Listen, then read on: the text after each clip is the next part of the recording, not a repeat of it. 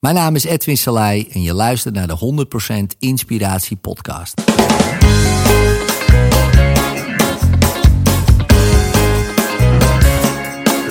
Hey, wat goed dat je luistert. Hij staat weer voor je klaar. Je wekelijkse dosis inspiratie is weer daar. De allerleukste gasten geven al hun kennis prijs. Met je veel te blije host, hij praat je bij. Zijn naam is Thijs. Thijs,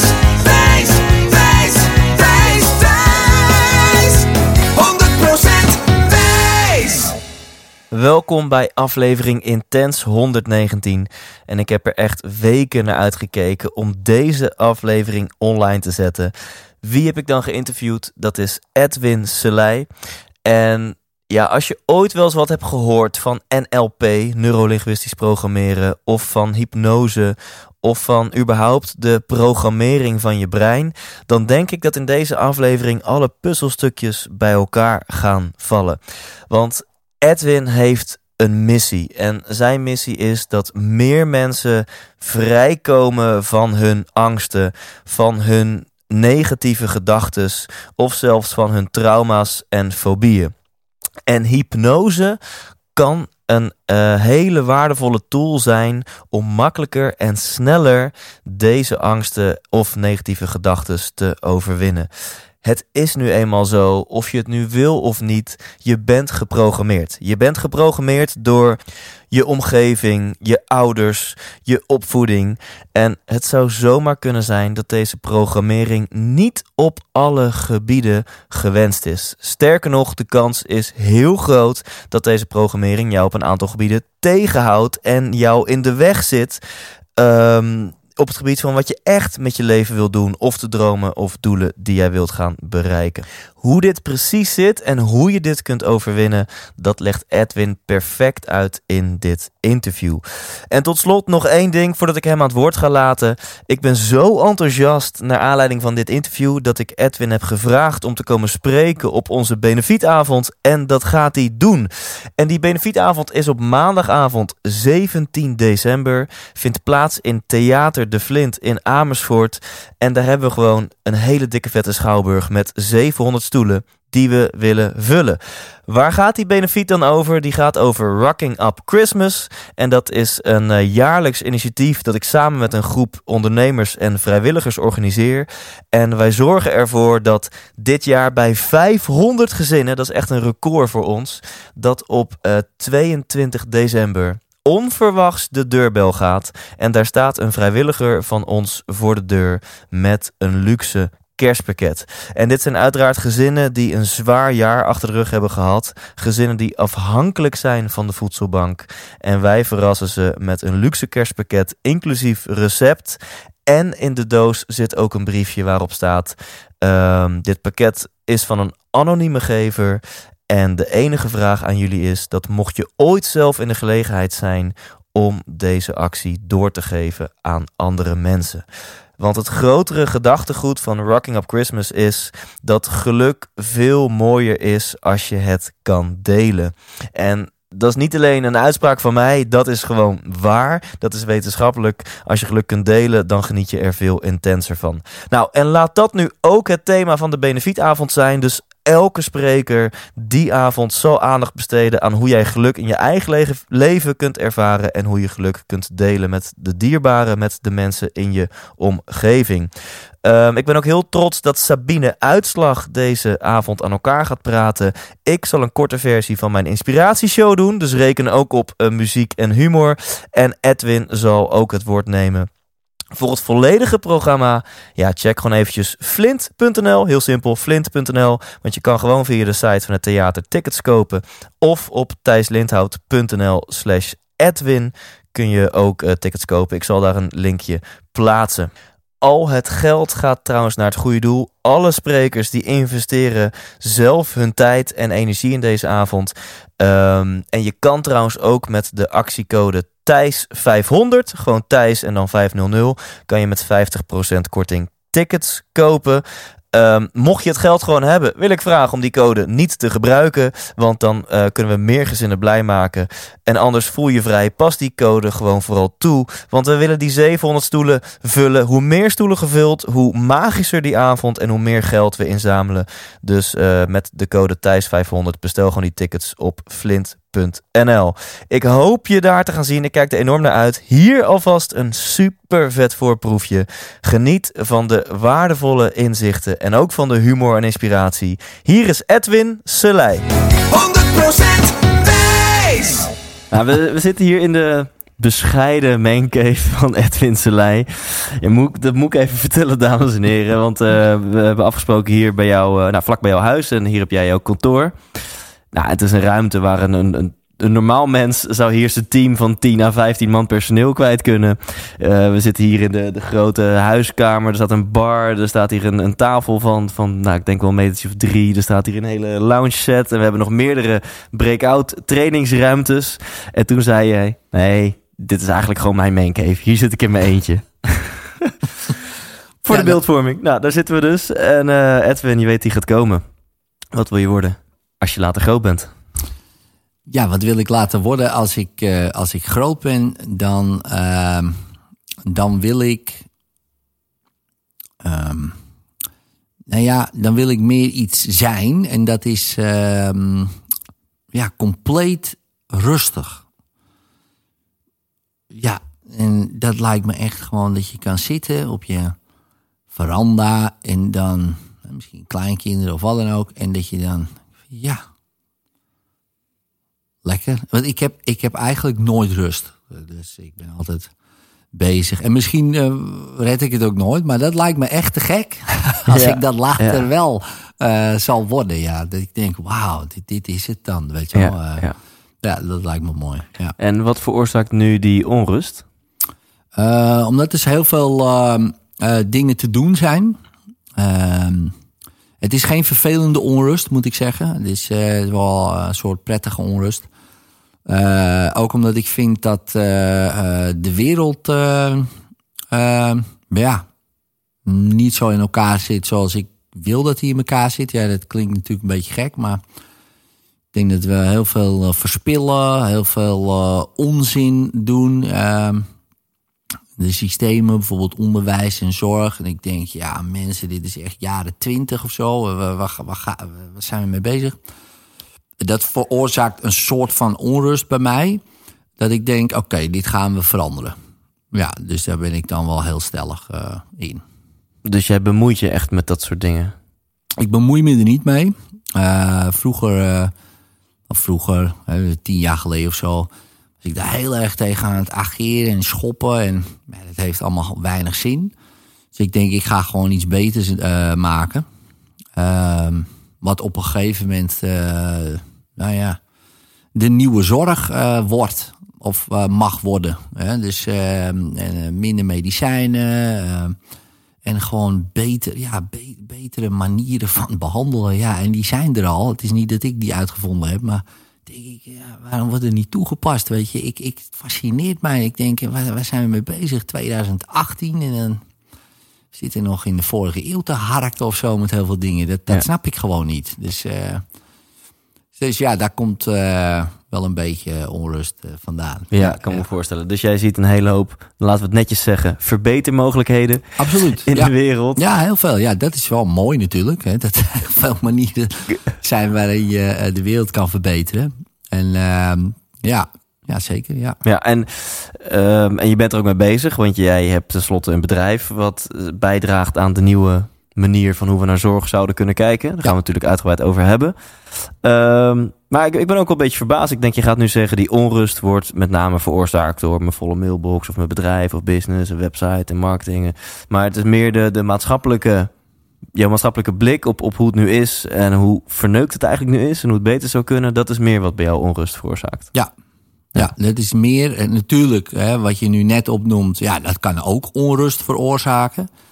Maar dat is persoonlijk. Ja. Dus, uh, en ik, uh, ja, kijk, uh, ons bedrijf en, en, mijn missie is eigenlijk, dat heeft niet zo heel veel met mij te maken aan zich. Zo van, oh ja, eh, persoonlijk, maar meer eh, dat ik denk, ja, ehm, er, er moet wat gebeuren of zo. Hè, dat vind ik. Hè. Dus, dus, dus dat is in de zorg, dat is in het onderwijs. Daar zit ik dan zelf niet in, maar dat is ook een droom van mij.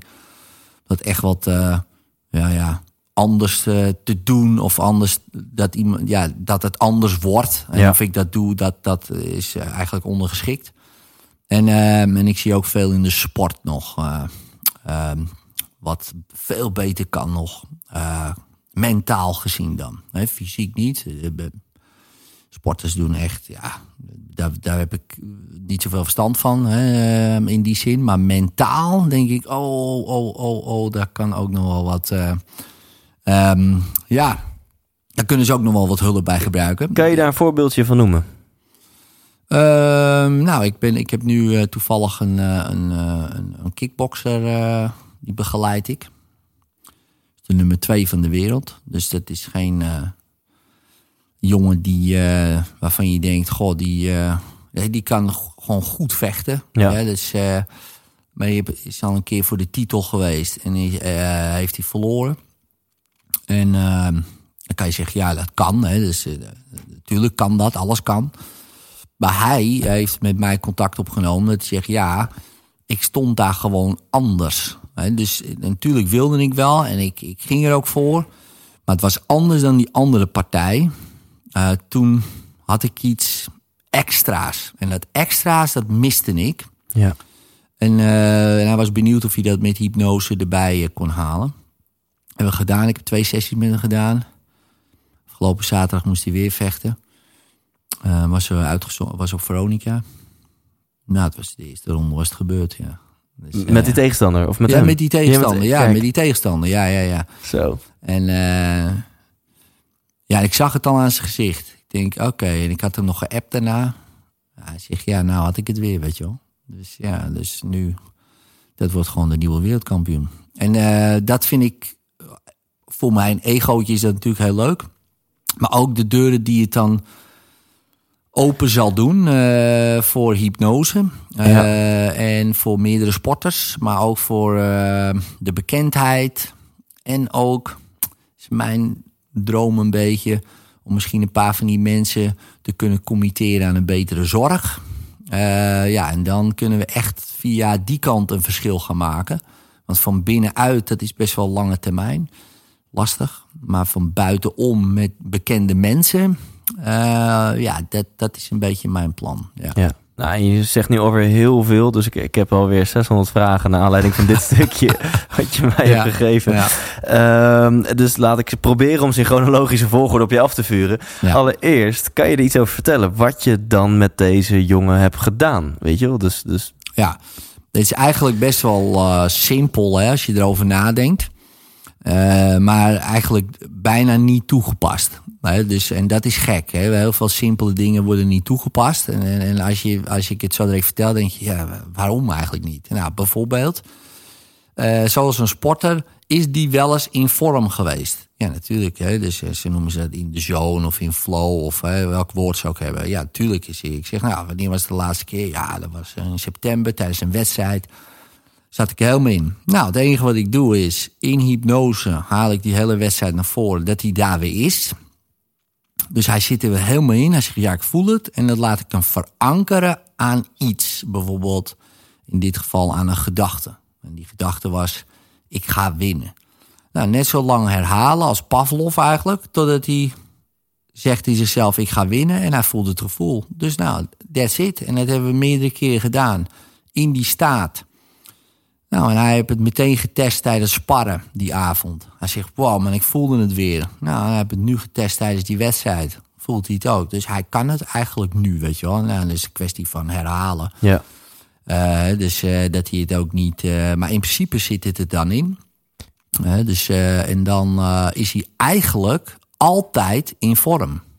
Dus hij is dan niet meer... Hij heeft geen day off meer. Dit bestaat niet. Dat is ook heel gek. Een sport, ja, ik heb mijn dag niet. Dat is gelul. Die kan je gewoon creëren. En want de rest doet hij allemaal goed. Kijk, als je nou eh, daarvoor een Chinese rijsttafel naar binnen werkt, ja, dan weten we allemaal wel. eh, dat, maar dat doen ze allemaal niet. Nee. Ze doen alles goed. Alles, alles, alles. En dat stukje, en dat, dat fascineert mij. Dat, doen ze, ja, dat is dan random. Dat is het enige wat. Dat, dat laat ze wel een toeval is. over. Ja, dat vind ik gek. Dat, dat kan gewoon niet. Oh ja, mijn vriendin belde net.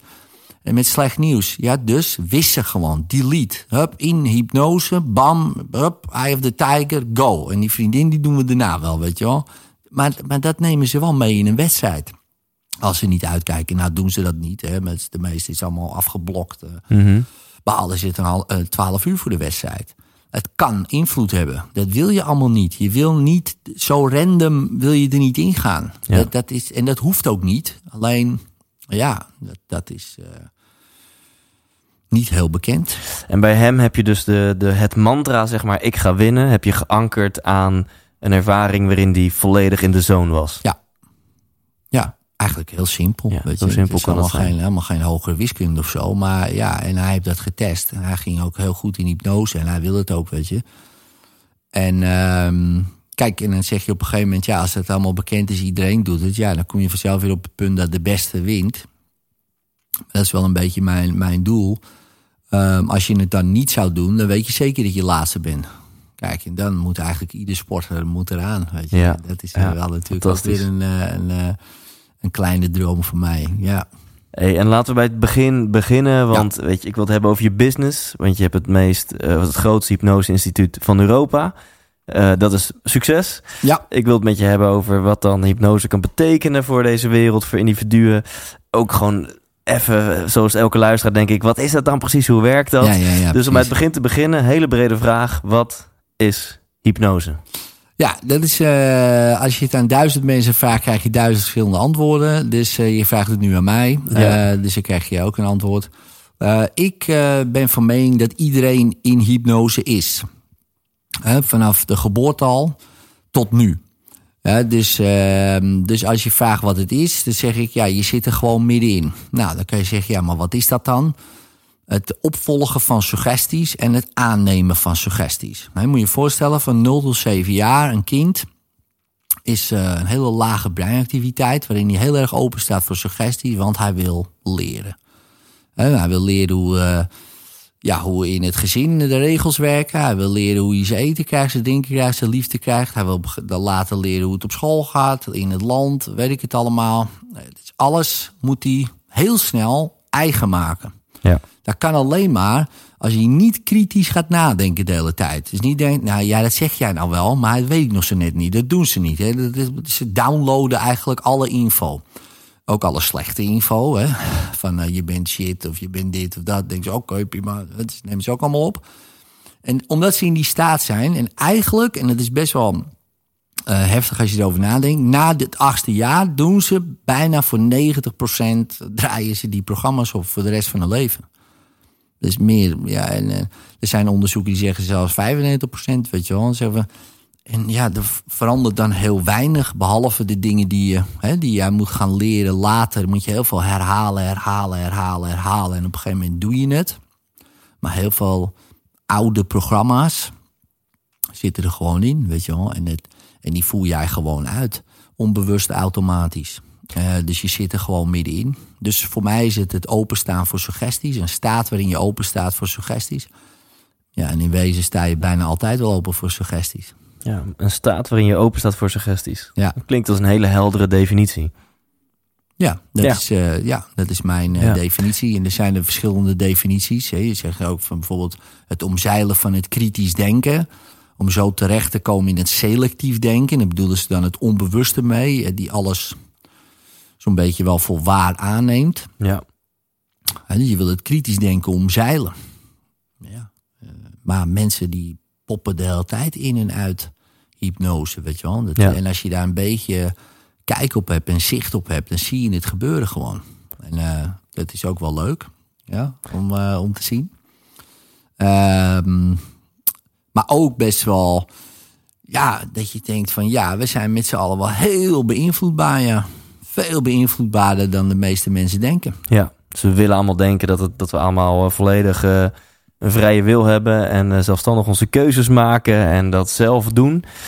Ja, Maar, ehm, en wat jij zegt is heel interessant, want je zegt, je hebt natuurlijk nurture nature. Nature. Ja.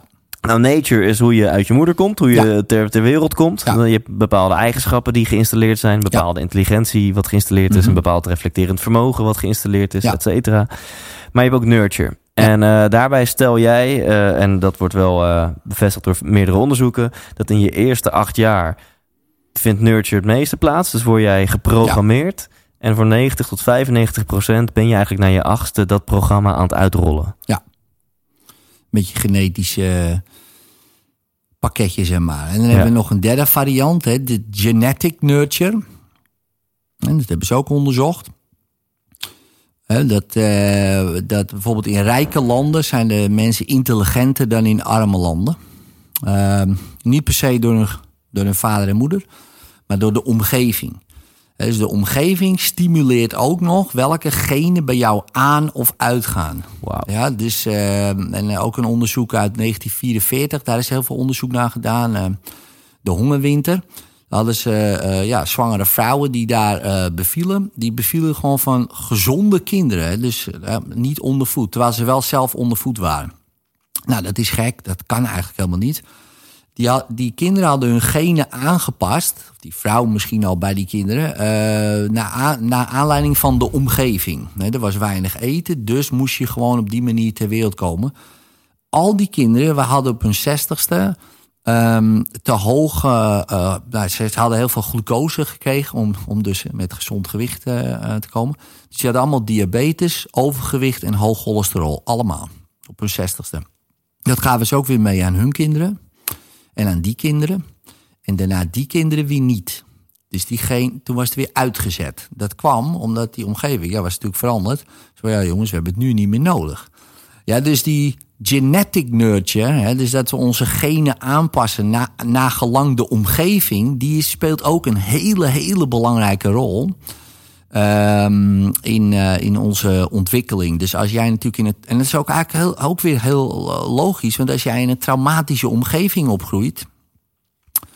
Ja, dan heb jij een hele andere pakketje neem je mee. Maar niet per se door je opvoeding, maar gewoon door de omgeving. Stel je voor, je wordt in een oorlog geboren. Dat heeft effect op je DNA, letterlijk ook. Dat hebben ze kunnen meten en zo. Eh, en als je op een gegeven moment, zoals nu, wordt geboren in ja, safety, hè, dus eh, voor, voor de meeste mensen, eh, ja, dan heb je weer een ander pakketje, krijg je mee. En dat, dat vind ik fascinerend. En in hypnose veranderen wij in wezen die traumatische omgeving, weet je. Eh, als je in regressie gaat. En dan, ik heb het nog nooit kunnen meten, dus dit is een theorietje van mij. Ik geloof echt dat je dan ook je genen aanpast. Letterlijk. Als je daar in hypnose het eh, trauma, zou je kunnen zeggen, uit je jeugd verandert. Daar Ja. ben ik van overtuigd. Dus je kan zo hardnekkig je eigen trauma verwerken of je eigen programmering aanpassen, dat, dat, ook, eh, dat ook je genen worden aangepast. en Of dat, je dat ook niet meer meegeeft. Ja, dus dat Ja. gen dat wordt op uitgezet. Bijvoorbeeld, ja. Ja. Ja. En ehm, even tussendoor voor de luisteraar die nog nooit heeft gehoord van, van programmering van je brein, zeg maar. Kan je dat Mhm. kort toelichten? Wat, wat, wat is dat? Ja, het programmeren van je brein, dat klinkt natuurlijk hè, dat is, heel apart. Maar ja, in wezen heb je tussen je oren een biocomputer hè, met eh, 80 miljard eh, zenuwcellen die zich allemaal kunnen verbinden. Eh, en je bent, gewoon aan het, je bent gewoon een leermachine, zou je kunnen zeggen. Ja. Je hebt leren lopen, eh, je hebt leren lezen, je hebt leren autorijden bijvoorbeeld. Je hebt leren, nou, wat heb je nog meer? Praten. En daar hoef je niet meer over na te denken. En je hoeft niet iedere keer na te denken, oh, welk woord komt er nu na de en dan huis en hoe moet ik dat allemaal in een zinnetje vormen. Dat gaat allemaal onbewust automatisch. Ja, Ja, alles. Gelukkig, hè? want als je dat wel gaat doen, dan ga je stotteren. ja. Ja, dat, gaan meer, dat zijn de mensen die bewust proberen dat eh, te regelen. Nou, dat eh, doe je ook met lezen. Dat gaat allemaal automatisch. En jij hebt dus op die manier je brein geprogrammeerd. En dat ma die programma's maken het makkelijk. Gewoon lekker makkelijk. Hoef ik nooit meer over na te denken. Ik kan lezen, ik kan praten. Maar ja, ook programma's heb je meegekregen van ja, je bent niet goed genoeg of je bent waardeloos of ja, we hadden je eigenlijk nooit willen hebben, Johnny. Ja, maar ja, je bent er nou eenmaal. En dat je denkt, fuck man. eh, en dat wordt ook een programma waarna je naar gaat leven. Bijvoorbeeld Ja. je gaat pleasen of wat dan ook. En voor je het weet, ja, door repetition, herhaling, ja. Ja, wordt dat een, een, een gedrag wat je blijft doen. Met Ja. alle gevolgen dan weer van dien. Ja, superheldere uitleg. Dus een programma kan niet simpel zijn zoals dat je wekker gaat en je staat op. En dat herkent iedereen denk ik wel. Je kan, terwijl je met je gedachten nog compleet bij andere dingen zit. Loop je naar de keuken en je trekt uit de koelkast je koffie of je citroenwater of wat, weet je wel wat. Eh, en dat is dan dus gewoon een programma. Want je Ja. zit met je, met je kop zit je heel ergens anders. En toch Ja. eh, ben je eh, dat programmaatje aan het afdraaien. Maar een programma kan ook zijn de overtuiging van ik ben waardeloos. Ja. Programma kan ook zijn dat je hebt een keer een, je bent een keer ongewenst betast. Of, of je hebt een keer een relatie gehad en je bent gekwetst. En daardoor heeft jou onbe onderbewuste opgeslagen. Ik ga mij nooit meer kwetsbaar opstellen. Want mijzelf kwetsbaar opstellen heeft pijn tot gevolg. Ja, Dat kan ook een programma zijn. is ook een programma, ja. En ehm driemaal raden, eh, laat me raden, tijdens hypnose kan je wellicht iets met die programma's gaan doen. Ja. Ja, je kan zeker wat met die programma's gaan doen, want het zijn, nou ja, even niet, niet om te bagatelliseren, maar programma's. Hè. Jij bent natuurlijk eh, niet waardeloos, je bent niet, eh, niet goed genoeg, zeg maar. Hè. Dus je bent wel goed genoeg. Hè. Biologisch gezien is dat ook logisch. Hè. Ik bedoel, eh, anders was je hier niet. Ja, Mhm. de, de rest van die zaadcelletjes die zijn, waren niet goed genoeg, maar jij wel. Dus eh, ja, dus eh, eigenlijk biologisch gezien Ja. is dat gewoon zo. Het is gewoon puur selectie. Jij was de beste. Ja, daar kunnen we ook weinig meer aan veranderen. Ja. Ja. Dus ja, claim het, denk ik dan. Maar goed, misschien vond je omgeving dat niet. En dan ben je dat gaan geloven. Maar die omgeving, ja, die heeft het ook weer ergens opgepikt. Nou ja, whatever. In ieder geval kunnen we eh, met hypnose teruggaan naar het moment dat jij dat programma eh, besloot te installeren. Je zegt, oké, vanaf nu is het zo. En stel je voor, we maken dat stukje anders. Hè, dus daar maak je de beslissing precies het tegenovergestelde van... hé, hey, ja, ik ben wel goed genoeg, bijvoorbeeld, even zo kort door de bocht. Ja, dan is het een nieuw programma. Want voor je brein maakt het niet uit. hè. Die Ja. heeft daar geen oordeel over van... ja, of je nou het ene programmaatje afdraait van... hé, hey, ik voel me prima of ik voel me shit. Ja, dat moet jij weten. Ja. Jij draait het af, hè, onbewust dan.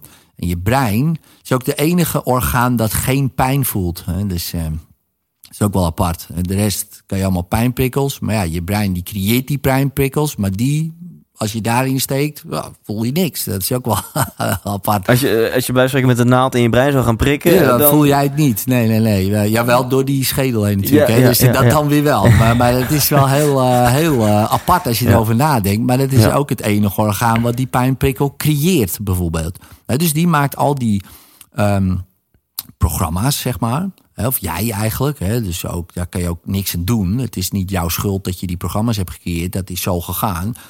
Want jij wilde overleven. Hè, daar Even kort door de bocht van ja, weet je, als ik ga pleasen, krijg ik wat aandacht. Dus ik word een pleasertje. Nou, oké, prima. Dat werkt voor mij als ik drie ben. Maar ja, nu ben je bijvoorbeeld 43, zoals ik. En als je dan nog steeds gaat pleasen, ja, en een beetje stamvoeten door de kamer, ja, dan word je daarop afgerekend, weet je wel. En dan denk je, hé, maar dit werkte toch vroeger zo goed, weet je wel. Ja. Dan kreeg ik toch maar, maar dat doe je allemaal niet bewust. Nee, dat werkte gewoon goed. Dus denk ja, waarom zou je ermee stoppen? En als je zo gaat kijken en je denkt van, maar wacht eens even, dit slaat natuurlijk nergens op. En je gaat terug naar dat moment en je kan het daar, zeg maar, laten, hè, even zo. Ehm, ja, dan hoef je het nu niet meer te doen. Ja. En om hier even bij stil te staan, dit is al super interessant, hè? Ehm, als mensen dit nu dus horen, dus stel jij bent de grappenmaker, of stel jij bent de, de stampvoeter, of stel jij bent de pleaser. Eh, waarschijnlijk als je dit hoort, ben je ouder dan drie. Die kans is vrij Eh, aanwezig. Ja, ja, ja, dat denk Ehm, ik wel. Ja. Maar het zou zomaar kunnen zijn dat jij dus zo doet, of ik denk eens aan mensen in je omgeving, dat zij zo doen, omdat zij vroeger in de eerste acht jaar van hun leven zijn zij beloond voor dat gedrag. En hebben Ja. ze gedacht, hey, ik krijg mijn zin door te stampvoeten of door te pleasen. Ja. En eh, een programma is ontstaan. Ja.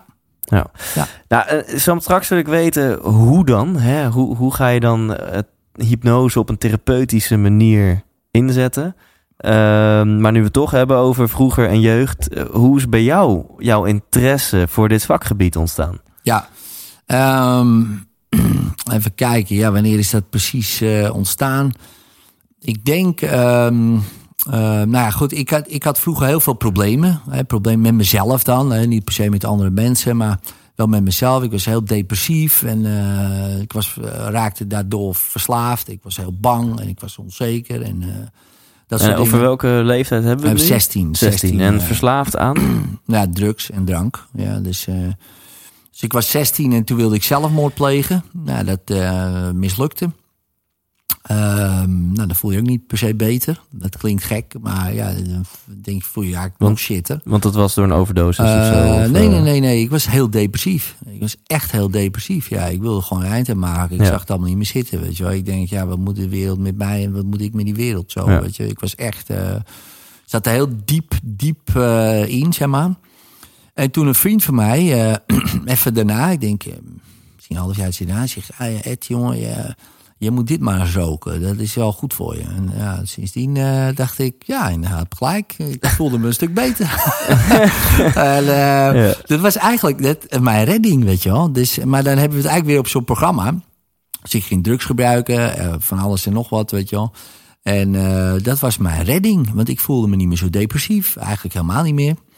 Ik voelde me eigenlijk wel goed. Ik ontmoette nieuwe mensen. Ik kon opeens met mensen connecten, weet je wel. Eigenlijk ging mijn leven beter. Totdat dat programma een probleem werd. Dus eh, toen werd ik opeens eh, de junk eh, die op het Centraal Station ook zat. Nou, toen ging het wel een beetje dat ik dacht van... oké, dit is niet de manier. Maar dan kom je er opeens niet meer vanaf of zo. Of lastig. Ehm, nou, ik ontmoette mijn vrouw in die tijd. Ik kreeg al heel snel een kind. Ik was toen nog steeds wel verslaafd. Ik deed niet zo heel eh, heftig meer, maar ik zat er nog wel aan. Maar dit is wel, je zegt zo'n beetje in één zin. Toen zat ik op het station als een junk. Ja. En, en, eh, en toen kreeg ik een kind. Ja, ja, ja, ja even daarna, ja. Ja, Ja, ja, dat ja. klinkt als een suboptimale situatie. Ja, niet echt. Nee, nee. Ik, had wel, ik werkte wel. Ik werkte in de bouw, weet je wel. Maar dan ging ik s'avonds ging ik, eh, ging ik wel eens naar het centraal, weet je wel. Met die, met die gasten daar ja, roken en zo. En eh, nou, op een gegeven moment, eh, dat was wel fascinerend. En dat, daarom, ik heb, ik weet niet, die, die junkies, ja, ik noem het, het is heel apart. op een gegeven moment hebben ze me weggeschopt, ehm, daar. Eh, in de zin van, toen zei er eentje tegen mij, dat is wel fascinerend was dat. Ik wil, als je hier nog één keer komt, slaan we helemaal in elkaar. Ik zeg, want? Hij zegt, kijk, dat wij ons leven helemaal naar de kloot hebben geholpen. Maar dat ga jij niet doen. Jij bent hier niet meer welkom. Dus ik werd gewoon verstoten bij die junks gewoon. En, en kwam, Dat had het te maken met het feit omdat jij een kind had? Of? Nee, met mijn verhaal of zo. En, en ze zeiden van ja, jij hebt nog werk, weet je, wat doe je hier, weet je. En in het begin was het nog wel lachen of zo, weet je wel. Maar op een gegeven moment mocht ik daar, moest ik, ja, mocht ik daar gewoon niet meer komen, weet je. Dat is, en het heeft me altijd, ehm, ja, ik heb het er niet zoveel over, weet je wel. Ik denk er ook niet zoveel aan, maar iedere keer als ik aan denk, denk jezus man, eigenlijk hebben ze een soort van, ja, het zouden net zo goed kunnen zeggen, blijf hier en we gaan lekker helemaal naar de kloten en weet ik het allemaal. Maar dat, dat, dat deden ze niet. Ze waren echt pissed off ook, hè. Fascinerend vond ik dat. dat was echt, Ja, het was eh, echt serieus. Als jij, Edwin, als jij hier morgen nog komt, dan slaan we je gewoon helemaal in elkaar. Ja, ja, ja, ja. Ja, echt, ja. ja.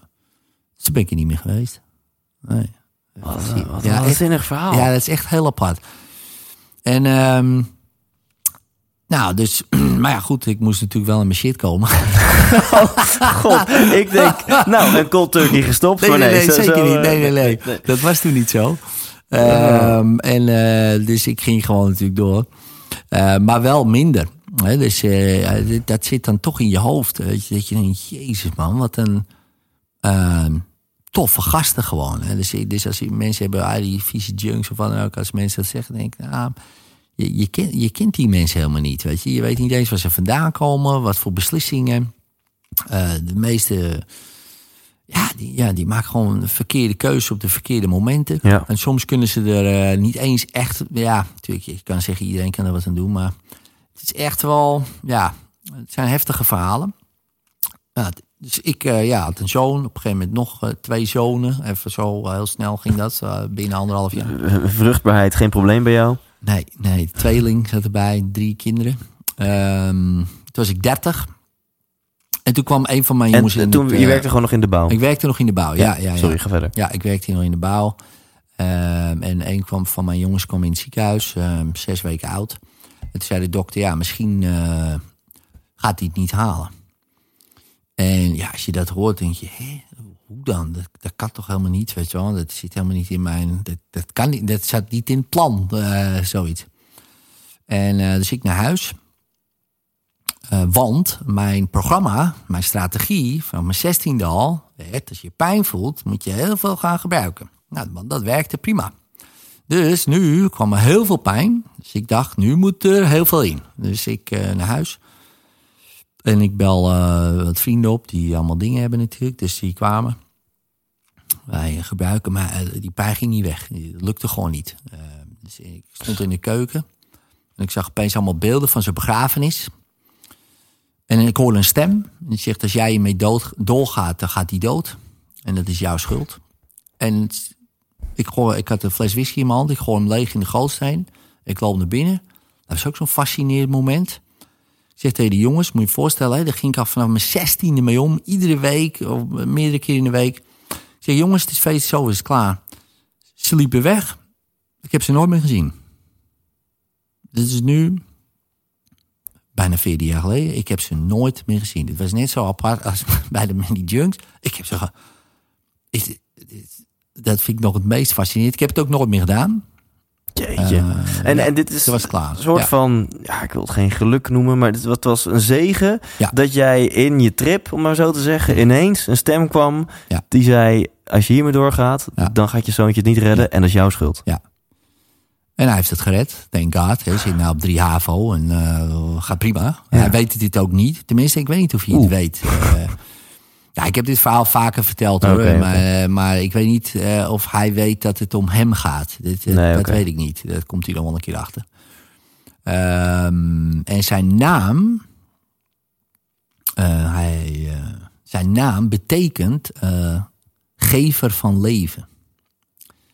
Daar kwam ik ook pas veel later. ach- Ja, ik wist, ik wist wel. Maar die, dat klikte pas later bij mij. Ja. Pas jaren later. Iemand onder een YouTube-filmpje had gezet. Weet je wat dat betekent?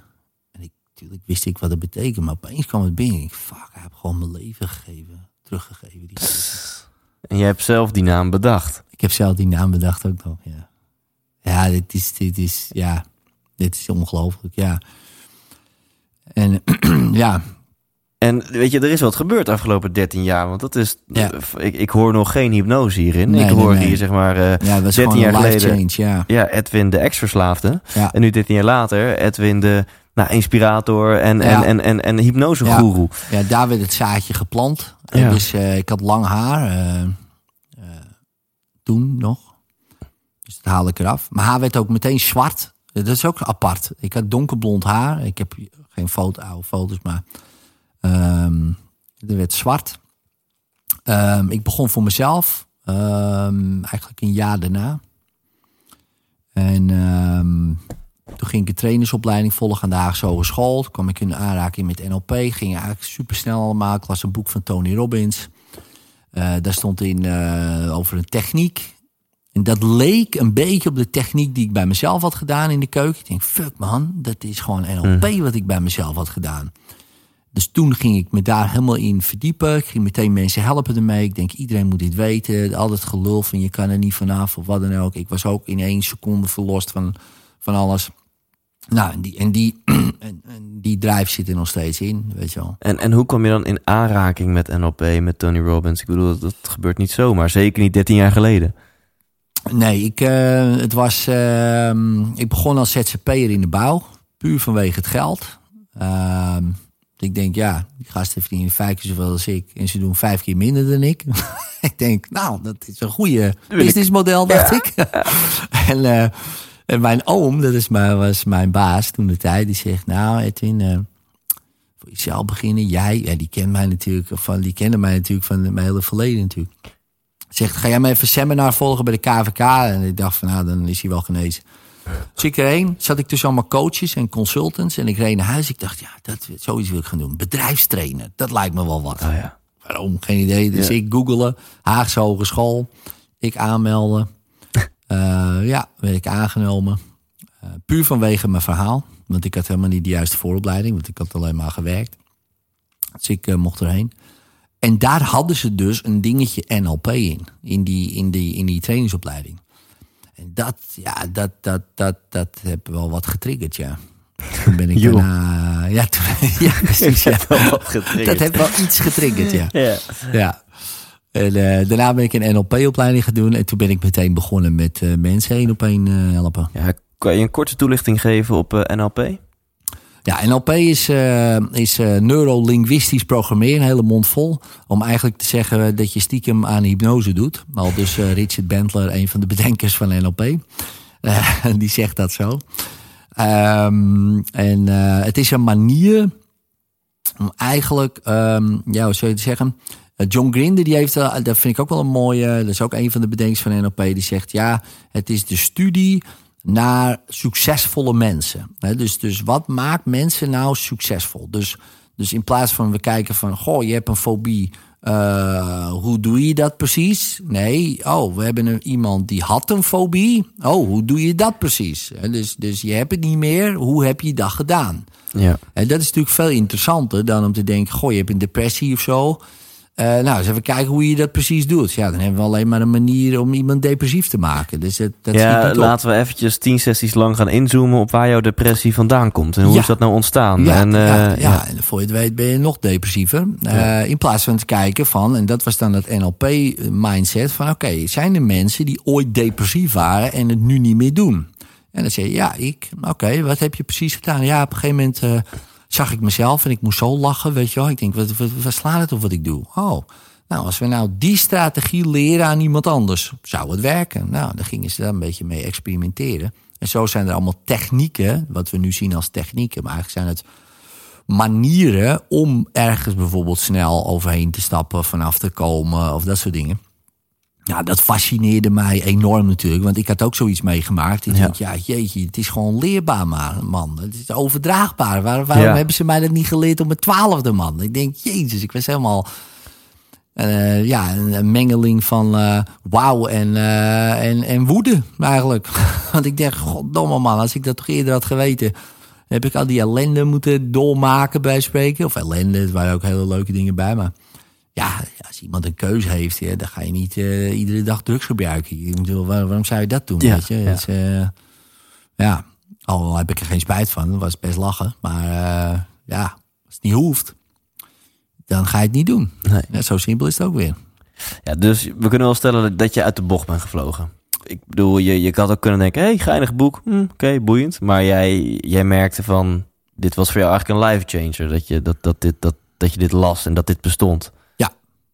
Ja, die, dat moment, eh, dat was echt de life change. Dat ik gewoon stopte. En, en dat boek was eigenlijk een, eh, voor mij een, ehm, ehm, hoe zal ik het zeggen? Ehm, ja, opeens eh, de, eigenlijk de onderbouwing van wat er met mij was gebeurd. En toen dacht ik, ja, wacht eens even, dat, dat boek bestond al. Dus, dus wat ik heb gedaan, dat is waarschijnlijk gewoon overdraagbaar. Dat is waarschijnlijk gewoon een techniek. Dat is waarschijnlijk gewoon een strategie.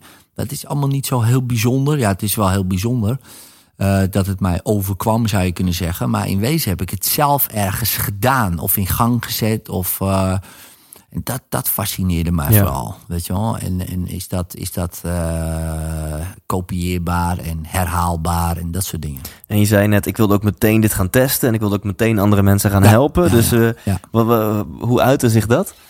Nou, ik begon meteen in de praktijk. Ja, dus eh, ja, meteen. Dus ik had mijn NLP-opleiding nog niet eens klaar en ik was al begonnen. Dus ik dacht, oh, ik heb deze techniek geleerd. Meteen boem. Hè, meteen. Eh, dus ik maar be- eh, bedacht een interessante naam. Ik denk, fobiedokter, dat is wel een goeie. Dus kwam ik in de krant hier, kijk meteen klanten.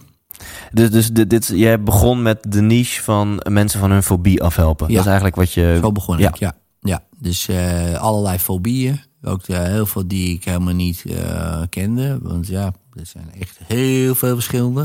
Het is ook echt eh, de Ja. meest vreemde fobieën kom je dan opeens tegen. Dat je denkt, hé, kan je er ook bang voor wezen? Weet je wel? Dus dat was wel een hele fascinerende paar jaar. Ik schreef er een boek over. Hoe leef je het lang zonder angst? En eh, nou, toen kwam ik al vrij snel eh, eigenlijk op de radio, op de tv en dat soort dingen. Kreeg ik nog meer klanten van. En, en toen dacht ik, ja, weet je, dit schiet niet op. In de zin van, ik wil dat iedereen dit weet. Dus ja, één op één mensen dit leren, ja, de één, ja is heel Nederland, 17 miljoen mensen, dat schiet niet op. Dus ik denk, ik ga mensen opleiden, zodat die dat ook weer aan mensen kunnen leren. Dus toen ben ik in 2010 daarmee begonnen. Al vrij snel eigenlijk. Uh, ben ik mensen gaan opleiden. Ja. En om nog even naar de fobie-dokter te gaan. Ja. want er ging je veel te snel overheen. All, in the name, ja. Uh, ik denk allereerst dat jij dus... Want ik heb ook een NLP-training gedaan. Uh, ik vind het interessant. Ik ben niet zo gefascineerd als jij. Want anders was ik nu ook wel met een soortgelijke praktijk begonnen. En ik denk ook zeker dat, dat ik en vele anderen niet zo'n talent hebben als jij. Ik denk dat jij ook merkte van... Fuck, ik heb ook echt aanleg ervoor om dit gewoon heel goed toe te gaan passen. En andere mensen te gaan helpen.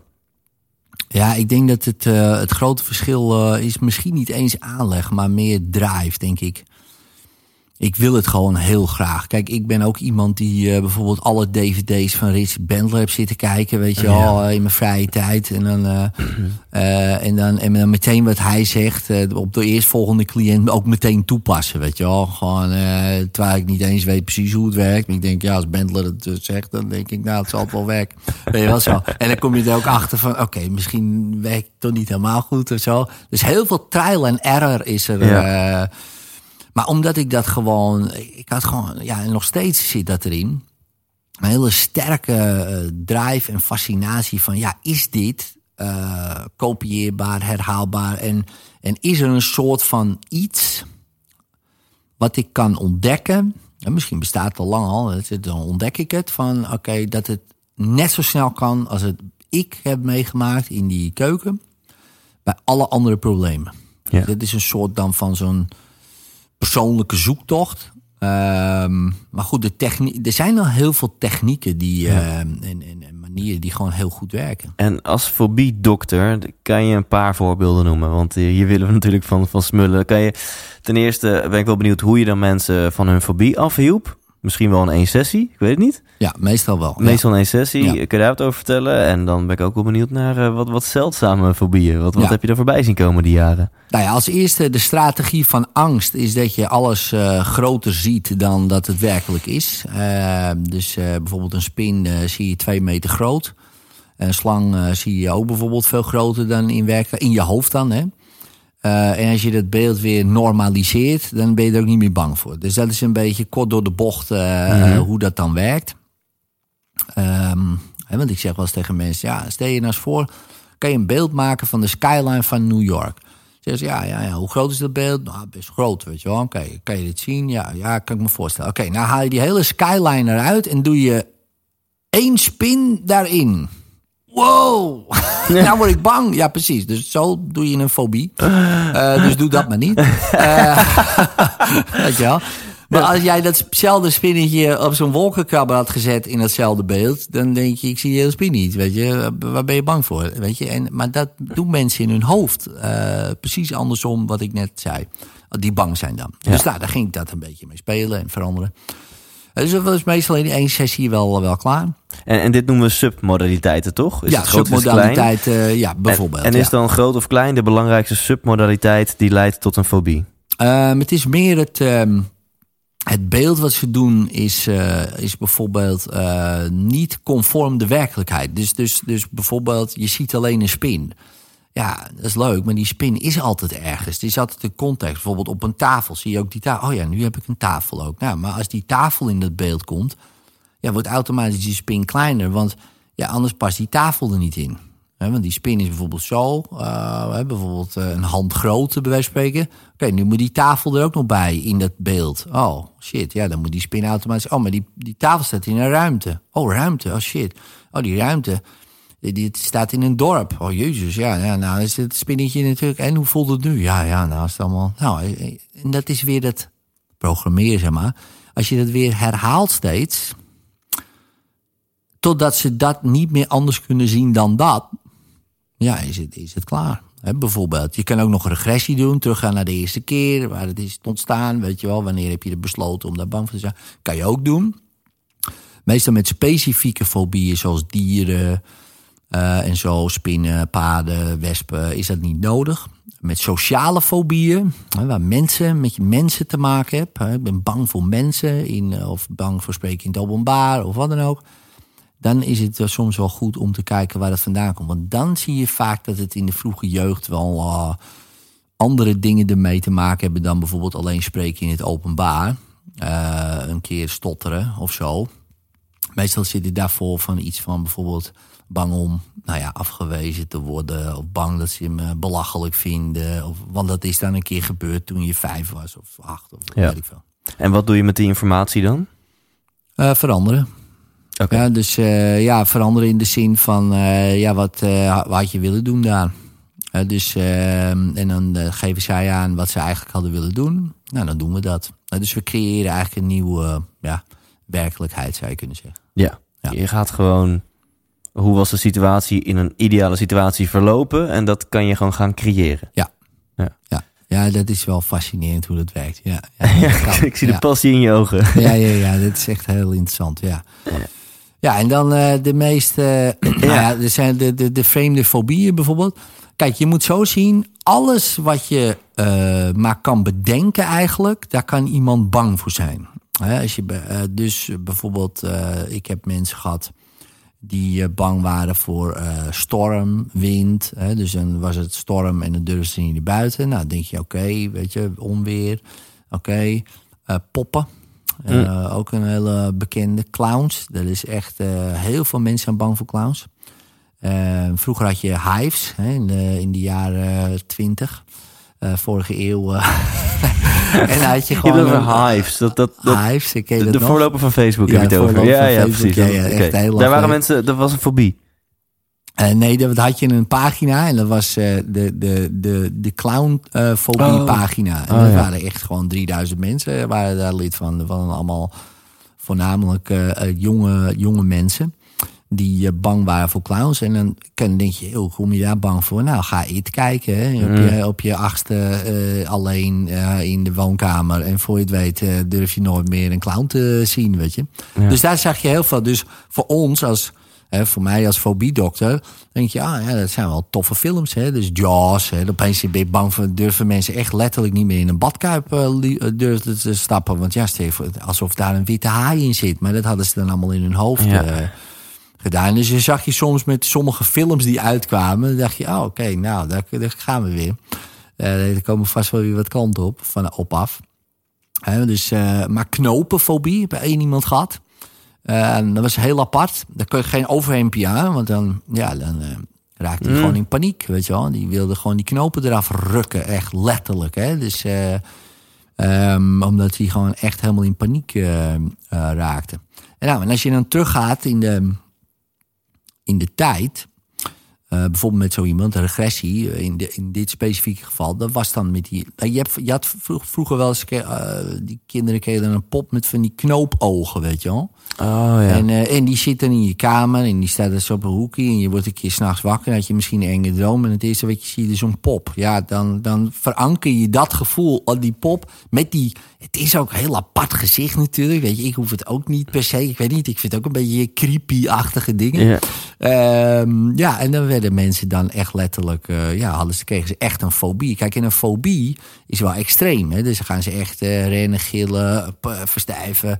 Kijk, ik vind het creepy of zo. Maar dat is wel anders dan een fobie Ja. natuurlijk. Ja, en eh, wat is er nog meer? Wat waren er nog meer? Eh, een roltrap eentje. Of meerdere zelfs wel. Escalator. Roltrapfobie. Ook een fascinerende. Ehm, ja, wat nog meer? Ja, het meeste was allemaal wel eh, geëikt of geëikt. Ja, dat klinkt ook gek, maar en bijvoorbeeld spreekangst. Er was een hele eh, veel voorkomende Tandartsen. eh tandartsangst. Ja, er is een heel veel voorkomende. Ehm, Spinnenangst, hè, maar dat- niet iedereen kwam daarvoor. De meesten zijn wel bang, maar ja, dat gaat dan wel. Maar sommigen echt extreem. Ja, die komen dan bijvoorbeeld heel september hun huis niet uit. Want dan is spinnentijd. Weet Ah, je wel. jeetje. Dus, eh, Hey, en wat die fobie dus is, 9 van de 10 keer in één sessie. Hè, dus Ja. dan heb je iemand die, is, die is, wordt helemaal hysterisch als hij, als hij ook maar een knoop in de ruimte ziet. En dan na een uur heb je met diegene gewerkt. En kan diegene in principe gewoon een blouseje aantrekken en zijn knoopjes allemaal Ja. vast doen. En is niks meer aan de hand. Ja. Wat, Ja, een, is wat, gek. wat- wat een gekke skill. Ja, dat is echt een hele interessante skill. Ja, ja. Ja. Ja, en op een gegeven moment is het ook normaal of zo. Terwijl, eh, ja, eh, voor heel veel mensen is het natuurlijk helemaal niet normaal. En zeker niet als je dat natuurlijk al twintig jaar zoiets, uh, zoiets uh, hebt, weet je, of ervaart. En denk je, ja. dat kan helemaal niet, weet je. En, ja. Maar met specifieke fobieën kan het heel snel gaan. Sociale fobieën, um, hè, waar mensen mee te maken hebben, zijn het gewoon een paar sessies nodig. Maar dan nog, hè, dan nog hebben we het niet over 15 sessies of een jaar lang of wat dan ook. Dat, dat, dat frustreert me wel eens. Hè. Dan zie je mensen in allerlei trajecten gaan. En dan denk ik, oh mijn hemel zeg, had even de goede hypnotherapeut opgezocht. Joh. Dan uh, was je ja, sneller klaar. Voel ik hierin, ook want net toen we het over depressie hadden, voel ik hierin wat kritiek richting de wat gebruikelijkere therapieën en psychologen die dus wel naar de kern willen gaan van hé, hey, maar wat maakt nu dat je suicidaal bent? Wat maakt nu dat je depressief bent? En dat je de eerste zes sessies daaraan gaat besteden. Ja, nou ja, kijk, uh, ik heb sowieso geen kritiek op de mensen die dit allemaal uitvoeren. Want uh, ja, iedereen, uh, iedereen doet gewoon echt, is echt met zijn hart daarin bezig. Daar ga ik vanuit, anders ga je wel wat anders doen. Ja. Ehm, maar je ziet gewoon dat er gewerkt wordt met procedures die echt, ja. Nou ja, ze werken, weet je, maar ja, er zijn al veel, veel betere manieren. En dat, dat frustreert mij wel eens. Uh, want dan hebben we bepaalde procedures, ja, zoals uh, echt cognitieve gedragstherapie, wat echt wel bewezen is dat het werkt. Maar zegt het al genoeg, cognitief. Weet je wel, dus uh, oké, nou Johnny, je, hebt nu een, je bent nu helemaal blind in paniek. Moet je gewoon anders over nadenken. Nou, probeer maar eens, weet je. Dat, dat lukt gewoon bijna niet. En, en dus die blijft altijd met een gevoel, ja, ik moet ermee om leren gaan. Dat is dan een beetje de stelling van, we gaan je leren om ermee om te gaan. Kijk, wij hebben een heel ander uitgangspunt. Jij komt die volledig vanaf. Volledig. Gelul met ermee omgaan, gewoon eraf. Kijk, en die uitgangspositie is al anders. Dus als ik dan naar een therapeut ga, en ik ben er ook bij geweest... zegt ze, ja, nee, ja, nou ja, jij bent nu eenmaal zo... Uh, dus jij krijgt manieren om hiermee om te gaan denk ik, ja, oké. Um, en dat is een hele andere uitgangspositie natuurlijk om iemand te helpen. Dus daar kunnen die mensen niks aan doen. Die mensen, die, die, die worden dat zo geleerd. Die wordt geleerd van ja, een angststoornis, daar kom je niet vanaf. Dat is een stoornis in je brein. Nou, dat is allemaal gelul in de ruimte als je het mij vraagt. Een depressie, ja, je mist een stofje in je hoofd. Ja, dank je de koekoek, want uh, eh, 95% van je serotonine zit in je darmen. Dus vind je het gek dat je hier uh, dan minder hebt? Ja, dat moet je allemaal in je darmen zien. Komen ze, zijn ze ook pas uh, een paar jaar achter, zeg maar. Dus, dus nou, daar ga je al. Nou, je moet een pilletje gaan slikken, weet je wel. En dan denk ik, ja mensen, zijn, waar zijn we mee bezig? En ik denk ik ben van mening dat 80, 90 procent uh, van de mensen die nu uh, antidepressiva slikken, uh, die zouden dat niet hoeven doen als ze eerst hypnotherapie hadden gedaan. Dat durf ik, durf ik rustig te beweren. Zo. Ja.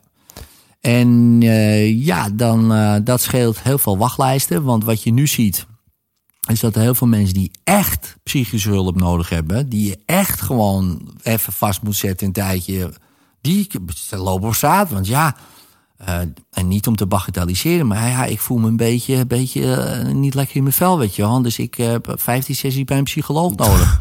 ja, en, en, en dus die, die persoon, die psycholoog is bezet en die psychiater is bezet. En wat gebeurt er met die verwarde uh, man? Ja, die, nou ja, ja, die, ja, sorry, ja, we hebben even geen tijd voor je, weet je wel. En denk ik, ja, laat, laten die mensen niet om te bagatelliseren, hè, helemaal niet. Want ehm, want ieder probleem is een probleem.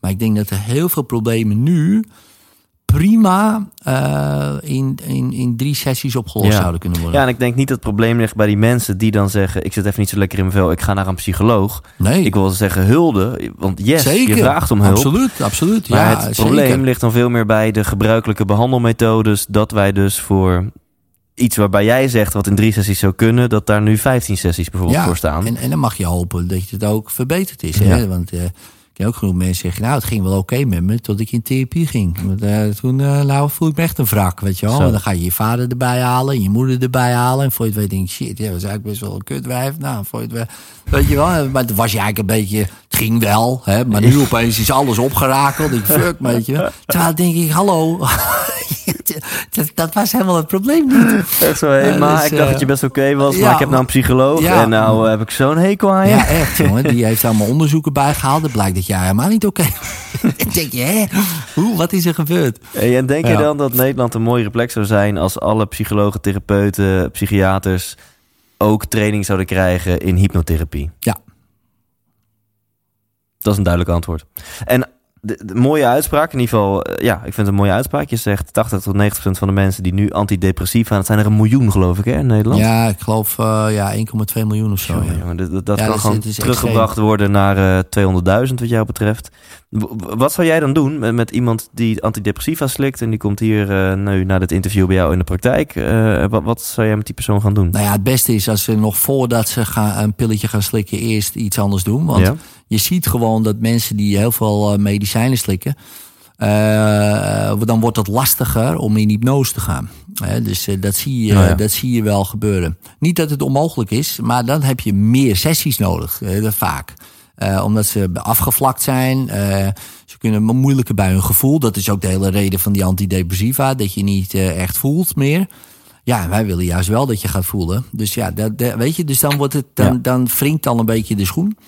Maar stel je voor, ze zouden dat eerder doen Kijk, nogmaals, kijk, ik wil wel even gezegd hebben, eh, ik ben helemaal niet tegen medicijnen. Dat is helemaal niet zelfs. Hè. Weet je, als het je helpt en je zegt, Ed, jongen, ik slik één pilletje per dag en ik heb mijn leven terug. Ik denk, halleluja, let's go, weet je. En uh, prima. Dus uh, helemaal top. Ik slikte vroeger ook heel veel pillen en ik voelde me ook prima. Hè. Dus, uh, dus, dus, ja, het zou heel gek zijn en hypocriet als ik zou zeggen, nee, dat is slecht. Ja. Maar wat ik, wat ik uh, slecht vind eraan, is dat een huisarts na een 10 minuten gesprek je meteen antidepressiva voorschrijft. En 70% van de voorgeschreven antidepressiva wordt gedaan in 10 minuten door de huisarts. Nee. En dan denk ik, ja, ladies and gentlemen, volgens mij is dat niet helemaal de weg. Een psychiater die echt een uitgebreid onderzoek, dit en dat, en die je dan voorschrijft, denk ik, ja, daar is over nagedacht. Dat is uh, hopelijk ook gemeten. Eh, weet je wel, en dan denk dat is heel wat anders. Maar, maar zo snel, en dat is vaak, dat gaat vrij rap tegenwoordig. Uh, mensen willen het ook graag. Ze zeggen, geef me gewoon een pilletje, weet je wel. want dan voel ik me beter. Dus die hele mindset van mensen is redelijk pill-minded. Ja, dus uh, je ziet het ook in andere vormen. weet je, dan komt een hele dikke vent bijvoorbeeld. En die zegt, ja, je hebt diabetes. Ja, ja, vanaf 2019 wordt het anders. Maar ja, die willen gewoon medicijnen eh, hebben. In plaats van dat je denkt, jongen, val eens af. Weet je wel. Ja, ja. Dat is, ja ik bedoel, het is allemaal geen hogere wiskunde vaak. Ja. Maar we zitten opeens helemaal, zijn we gehypnotiseerd in zo'n mindset van, ja, ja, eh, ik bepaal zelf allemaal wel. Dat vind ik ook, hè, vind ik een groot goed vrijheid. Uh, maar wat is vrij? Is, betekent vrij iedere dag een pilletje? Ja, betekent vrij uh, last hebben van allerlei shit? Nou, denk ik niet. In mijn vind ik niet. Ik, ik ben liever gewoon in, wel vrij van mijn ballast uh, vanuit het verleden. Maar ook niet dat ik een pilletje nodig heb voor de toekomst, weet je. Dus, ja. ja. Maar goed, dat is ieder zijn ding natuurlijk. maar dat kan mij soms wel eens frustreren, ja. Dat, dat systeem. Ja, ja. en daar kan ik me alles voorstellen. Ja. Um, en dan ehm, toch nog even antwoord op mijn vraag. Als hier dan iemand komt die uh, nog niet aan de antidepressiva zit, maar iemand die is depressief en die komt hier. Dan huisarts zou binnen 10 minuten zeggen: Hier heb je antidepressiva. Hoe zou jij dan zo iemand aanpakken? Ja, nou ja, nou, eerst gewoon een gesprek natuurlijk. Uh, van uh, hoe is het en uh, waar denk je zelf dat het vandaan komt? Nou, dan gaan we een beetje een inventaris maken. maar in wezen, wat ik altijd doe, is in hypnose en zo leer ik het ook mijn cursisten. Mensen in hypnose brengen. Teruggaan naar waar het is ontstaan. Dat weten mensen altijd. En mensen zeggen, ja, maar bewust weet ik het allemaal niet. Nee, bewust weet je het ook niet. Nee, want anders dan had je het waarschijnlijk ook misschien ook wel zelf op kunnen lossen. Maar onbewust wel. Kijk, we hebben alles opgeslagen ergens. Ja, en, eh, en niet per se alleen in je hoofd, maar het kan ook in je lichaam zijn.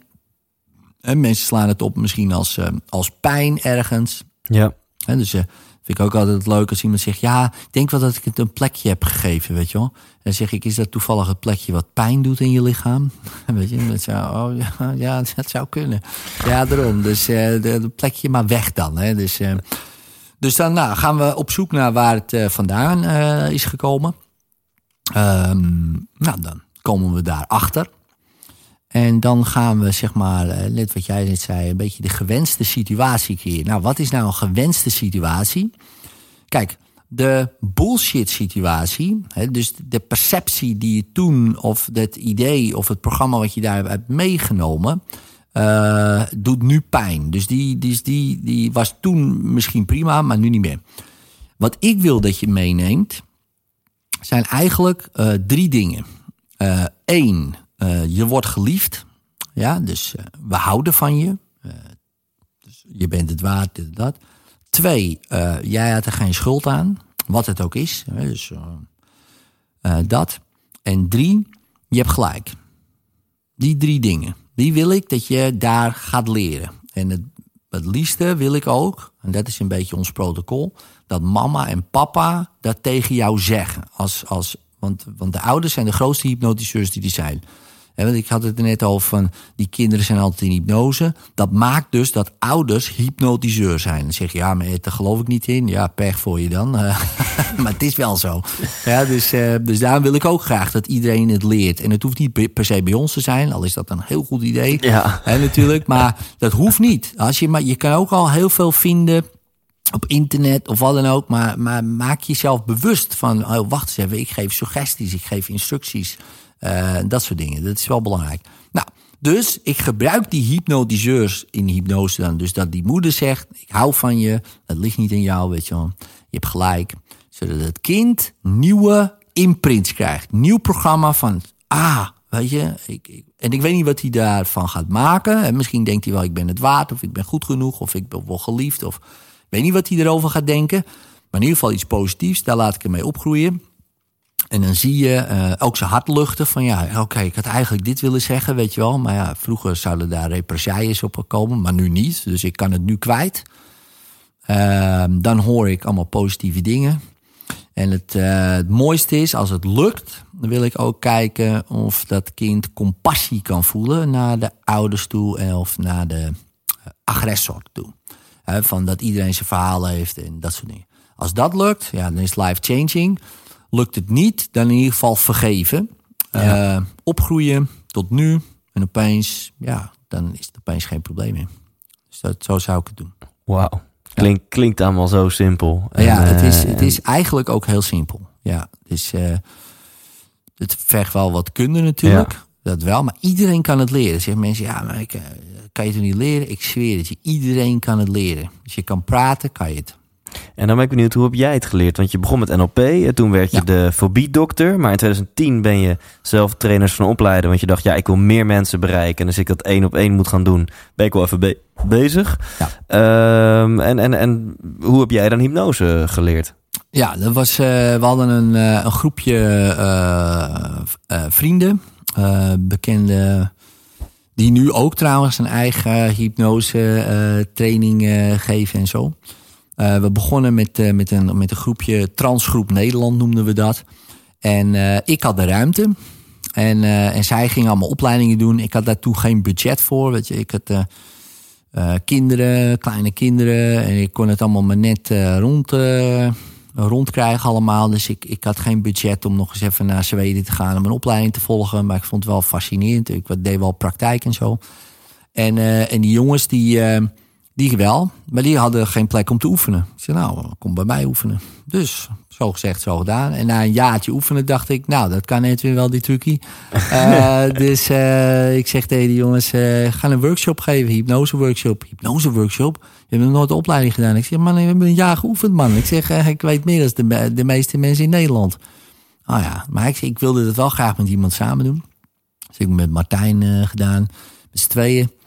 En nou, meteen 40 mensen. En ik gaf daarvoor ook wel een NLP-workshop. Er waren zes mensen, zeven mensen. Toen gaf ik een hypnose-workshop. Opeens 40 man. dacht, wow, hier is markt voor, weet je wel. Dus toen ben ik hypnose gaan doen. Dat was eigenlijk de, de aanzet dat ik dacht van... eh, Oké, dit is interessant. Dit hier is blijkbaar vraag naar. Dit vinden mensen tof. Ik vind het ook tof. Ik vind het veel toffer nog. Een, of tenminste, ik kan het goed combineren met NLP. Maar ik vind die snelle inducties ook tof. Weet je wel. Ik vind eh, het hele fenomeen vind ik tof. Ik, ik kan er veel meer uithalen dan NLP zelf. Dus toen, ja, en toen, toen ben ik daar helemaal ingedoken eigenlijk. En- Sinds en- 2010. En hoe gaat dat dan in zijn werk? Ik denk dat heel veel mensen die nu luisteren en nog echt heel nieuwsgierig zijn naar echt concreet. eh, Weet je wel, jij bent in een eh, sessie met iemand en op een gegeven moment denk je, nou, ik ga je nu even onder hypnose brengen.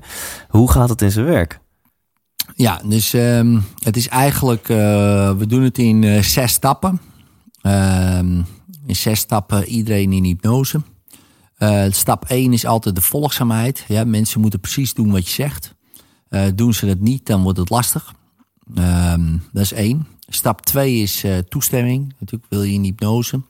Klinkt heel logisch, maar het is wel een belangrijke. Puur omdat mensen er ook dan gaan nadenken. Als je die vraag stelt van, oh shit, ja, wil ik het wel? Ja, ik ben niet wel, maar wil ik het nu, weet je wel? Ja. Dus twee. Drie, de inductie zelf. Dat kan de meest simpele inductie zijn van doe je ogen dicht en ga in hypnose. Dat is de meest simpele inductie die er is. Werkt supergoed. Eh je kan hem ook heel flashy doen met armpools en allemaal, allemaal verschillende dingen erbij. Maar je kan hem ook heel kort houden. Dan de verdieper. Nou, dieper, dieper, dieper. Heel simpel eigenlijk. Vijf. Ehm, je geeft de hele tijd feedback op wat er gebeurt. En zes, eh, je creëert een overtuiger. Bijvoorbeeld een arm die opeens omhoog gaat... of vastgeplakt eh, zit aan je broek... of eh, nou ja, iets van overtuigen... of je bent je naam kwijt of getallen kwijt... of weet ik veel, zoiets. Ja, en op dat moment weten mensen... oké, shit, ja, nu ben ik wel in hypnose. Ja. Dus in die zes stappen, en dat kan heel kort duren... naar gelang iemand eh, wat makkelijker hypnotiseerbaar is... of eh, misschien wat lastiger hypnotiseerbaar is op dat moment dan... eh, kan dat... Je zal verder geen namen noemen. Nee, ik noem ver- verder natuurlijk geen namen. Hè, maar, is, maar dan kan het langer duren of korter. En, het, en dat maakt allemaal niet uit. Kijk, iedereen is anders. En ik heb, iedereen, ik heb alle soorten en maten wel een keer gehad.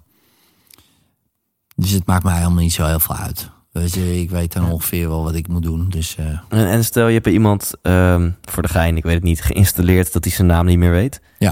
Op het moment dat jij dan gewoon de ruimte uit zou lopen en je gaat andere dingen doen. eh, de- gaat zo'n persoon dan, zou die dan uit zichzelf na een tijdje weer uit hypnose gaan? Of, of zou zo'n persoon dan echt nog urenlang zijn eigen naam niet meer weten? Nou ja, kijk, je eigen naam, eh, dat, ehm, eh, op een gegeven moment weet je het wel. Het, is, het is niet dat je niet... Kijk, je bent gewoon vergeten. Het is net als dat je even niet weet waar je autosleutels liggen. Oh ja. Eh, zoiets, zo, moet- zo moet je het zien. Hè. Dus je even, hè, ik kom er niet op, weet je wel. Het ligt op het puntje van mijn tong, maar ik weet het gewoon even niet. We hebben allemaal dat soort momenten Mhm. wel eens meegemaakt. Zo moet je het zien dan. Zo, hé, hoe heet ik nou? Hè? Dan zeg ik bijvoorbeeld Frits. Nee, Frits is het niet. Nee, weet je het zeker? Weet- Nee, ja, heel snel. en dan, eh, maar even, ja, dat duurt. Het ligt ook een beetje aan de persoon. Maar stel je voor, ik loop de ruimte uit en je ziet me nooit meer. Nou, dan weet je binnen een tijd, binnen een mum van tijd. Omdat je echt daarna op zoek gaat. Want Ja. je wordt natuurlijk Ja, gefrustreerd. Dan denk shit, maar opeens plopt die gewoon op natuurlijk. Ja, ja, En dat hou je allemaal niet, eh, Nee, niet lang in stand of zo. Nee. En je zegt van nou eerst check je iemand, deel je in hyp- hypnose. Ja. Dat bij mij net ook. Ze echt heel duidelijk Thijs, wil je in hypnose. Ja. En, en daarna check je de volgzaamheid. Ja. Hè? Dus volgt iemand precies jouw commando's op. Ga Ja. hier even staan, voeten tegen elkaar. Ja. Laat je vallen, naar voren, naar achter. Ja, bijvoorbeeld, ja. En, en daarna zou de kortste methode zijn, doe je ogen dicht en ga in hypnose. Ja. Maar eh, dat werkt denk ik alleen bij de mensen die heel makkelijk in hypnose gaan. Nee, werkt Of- bij iedereen. Kijk, het is gewoon eh, het begin. Hè? Dus, eh, ehm, en het begin, ehm, ja, bij sommigen die, die zakken meteen bijna de- in, op de vloer. En de anderen die blijven staan en die denken, ja, ik weet niet wat hij aan het doen is. Maar eh, ja, ik, ik merk nog niks, wat, weet je, Ja, bijvoorbeeld. En dat is prima, want daarna doen we stap 4. En mij gaat het om stap 6, hè, dat die overtuiger eh, erin komt. Ja. Dat iemand eh, zelf overtuigd raakt van, van het idee van... Hey, wat ze hebben, dit is toch wel apart, weet je wel. Dit had ik nog niet meegemaakt. Eh, en op dat moment kan weer de volgende stap gedaan worden. Want dan wordt het het stapelen van overtuigers. En dan wordt het steeds makkelijker om, eh, om op een gegeven moment, want dat is het doel voor mij, uh, om naar die eerste keer te gaan. Ja, want als ze steeds opvolgen wat ik zeg, dan gaan ze op een gegeven moment ook opvolgen. Als ik zeg, oké, ga nu naar de eerste keer dat het probleem ontstond. Pam, dan gaan ze er ook meteen heen. Ja. Omdat ze daarvoor ook alles hebben opgevolgd. Hebben ze dat niet gedaan, komen ze daar niet, waarschijnlijk niet. Want zegt ze, ja, maar dat weet ik niet, weet je wel. Dat weet Ja. ik niet. Nee, maar het gaat er ook niet dat je het weet. Het gaat erom dat hij opkomt, Ja. weet je. Dat je mijn instructie opvolgt, onbewust. Ja. En eh, nou, dat is gewoon soms training. Ja, prima.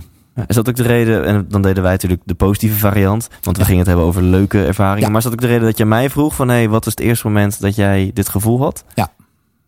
Dus ik begon met een bruggetje, hè, een eerdere keer. Die kan je gewoon ophalen. En nog een eerdere keer kan je ook ophalen. Dat merkte je ook. Hè. 29 was je en 26. Dus dat is al vrij dichtbij. En dan opeens, en de eerste keer, oh, ik was zeven, weet je wel. En eh, was eh, dit en dit aan het doen. En dan opeens eh, zit je in een hele andere eh vibe. denk je, ah ja, dat. En, nou, en, hoe meer ik je daarin associeer, hoe meer je dingen gaat herinneren. En Ja. dat soort dingen. En stel je voor, we gaan dan vanaf dat punt misschien naar iets vervelends toe uit diezelfde periode of misschien eerder. Dan is het makkelijker dat bruggetje te nemen dan zo bij Ja. bewustzijn, zeg maar. Snap je? Dus, dus dan creëer ik eigenlijk een soort ja, manier om jou, ehm, nou ja, zo af te leiden. Ja. Hè, dat, je, dat je die instructie opvolgt. Hè? Want het gaat om het omzeilen van het kritisch denken. Ja. En als jij een goed gevoel hebt, dan, ja, dan voel je je goed. Dus dan ben je niet bezig Ja. met nadenken van... oh, wat zal hij gaan doen, weet je wel? En ik vind dit eng of zo. Nee, weet je, voelt je prima. En dat is voor mij een kans om dan... Daarom vind ik ook zo belangrijk dat therapie, als het kan, eh, leuk is. Hè? Want dan gaan mensen veel sneller zich openstellen. Als het heel, heel snel heel serieus wordt, dan word ik ook bang van. Hè? Ja. een- als een therapeut tegen mij heel serieus gaat doen, denk ik, shit, oh, dan, nou, begin ik het eng te vinden. Weet je. En dan weet ik ook niet of ik dat allemaal wel wil delen, weet je. Dan vind ik dat een Ja. beetje vind ik lastig. Maar als het een beetje in een, nou ja, laten we zeggen, open setting is, eh, waar, eh, waar het eh, oké is om, om een beetje humor te gebruiken. Ja, dan zie je toch vrij snel dat mensen toch zichzelf eh, wat makkelijker open kunnen stellen. Ja. Waar kan natuurlijk. Hè? Dus eh, sommige dingen zijn natuurlijk helemaal niet eh, iets om een grap over te maken. Maar heel veel dingen wel. En het zou je verbazen hoeveel mensen. Ik heb heel veel mensen al eh, eh, geholpen, zeg maar. Bij hoeveel mensen we er achteraf keihard om kunnen lachen. Echt. En, en best wel om dingen dat je denkt, nou, kan me niet voorstellen. Eh, toch, eh, als, als, de, als de sfeer daar is, de setting daar is, kan best wel. En dat is heel helend natuurlijk. Ja. Ja. Nou, ik denk wel dat bij veel mensen nu de interesse gewekt is voor hypnose. Eh, ik hoop het, ja, dat, ik hoop het. Maar we- zijn nog niet klaar, want ik heb nog een aantal vragen. Mag ik nog even los? Ja, Ja? absoluut, ja. Eh, want het is nog niet donker, dus we kunnen nog door. Ja, we kunnen gewoon door. Ja, want als de, als de eh, straatverlichting aangaat, moet je thuis zijn, toch? Eh, ja, ik moet wel, wel voor de lantaarnpaal. Ja, en het gaat steeds eerder natuurlijk. Hè? Dus we moeten wel even doorgaan. Nee, en ehm, waar ik heel nieuwsgierig naar ben, een Darren Brown, die ken jij ongetwijfeld. Ja, zeker, nou, persoonlijk zeker. misschien niet, misschien ook wel. Ehm, eh, voor de luisteraar, Darren Brown, YouTube is, is gewoon heel geinig en tof en absoluut, indrukwekkend wat hij doet en kan. Zeker, zeker. Maar ik heb de idee dat hij mensen hypnotiseert alleen maar door ze op een bepaalde manier aan te kijken. Misschien gecombineerd met, met een aanraking. Maar dan heb, heb je dus niet gedaan, hey, eh, mag ik je even hypnotiseren? Of Mhm. uh, doe even dit, doe even dat. In Ja. de metro zitten met mensen te praten en zonder dat ze het weten. Dus hoe, hoe hoe werkt dat dan? En hoe, en, en hoe is dat dan te trainen? Want dat zit hem echt in een bepaalde blik of zo. Ja, nou ja, kijk, ehm, ehm, hij doet voor tv, toch? Ja. Precies. Dus dat is eh, als eerste al eh, eh, wat ik, wat ik er even over wil zeggen. Kijk, ik, ik, ik heb niet echt per se de behoefte om heel veel dingen te verraden, omdat het. ehm, nou, laat ik Ja, het zo. op. Ik bedoel, voor, voor de 100% inspiratie Ja, ja, ja, ja. podcast. eh, nee, kijk, laat ik het zo zeggen. Laat ik het zo zeggen. Op eh, ken je het programma Goochelaars ontmaskerd? Toevallig. Heb je wel eens gezien? Ja. Vind je het daarna nog leuk om, uh, om een opengezaagde kist te zien met iemand? Weet je, als Ja. je natuurlijk, het is dan een beetje dat je denkt: oh ja, daar gaat hij weer. Hij zal wel daar, dat, weet je wel zoiets. Hè? Ja, maar ik, wil, Dus, ik, ik ben begrijp heel ik, erg op zoek ik, naar ja, die ja. OJA-ervaring bij Darren Brown. Dus Ja, kom maar door. dat begrijp ik, ja.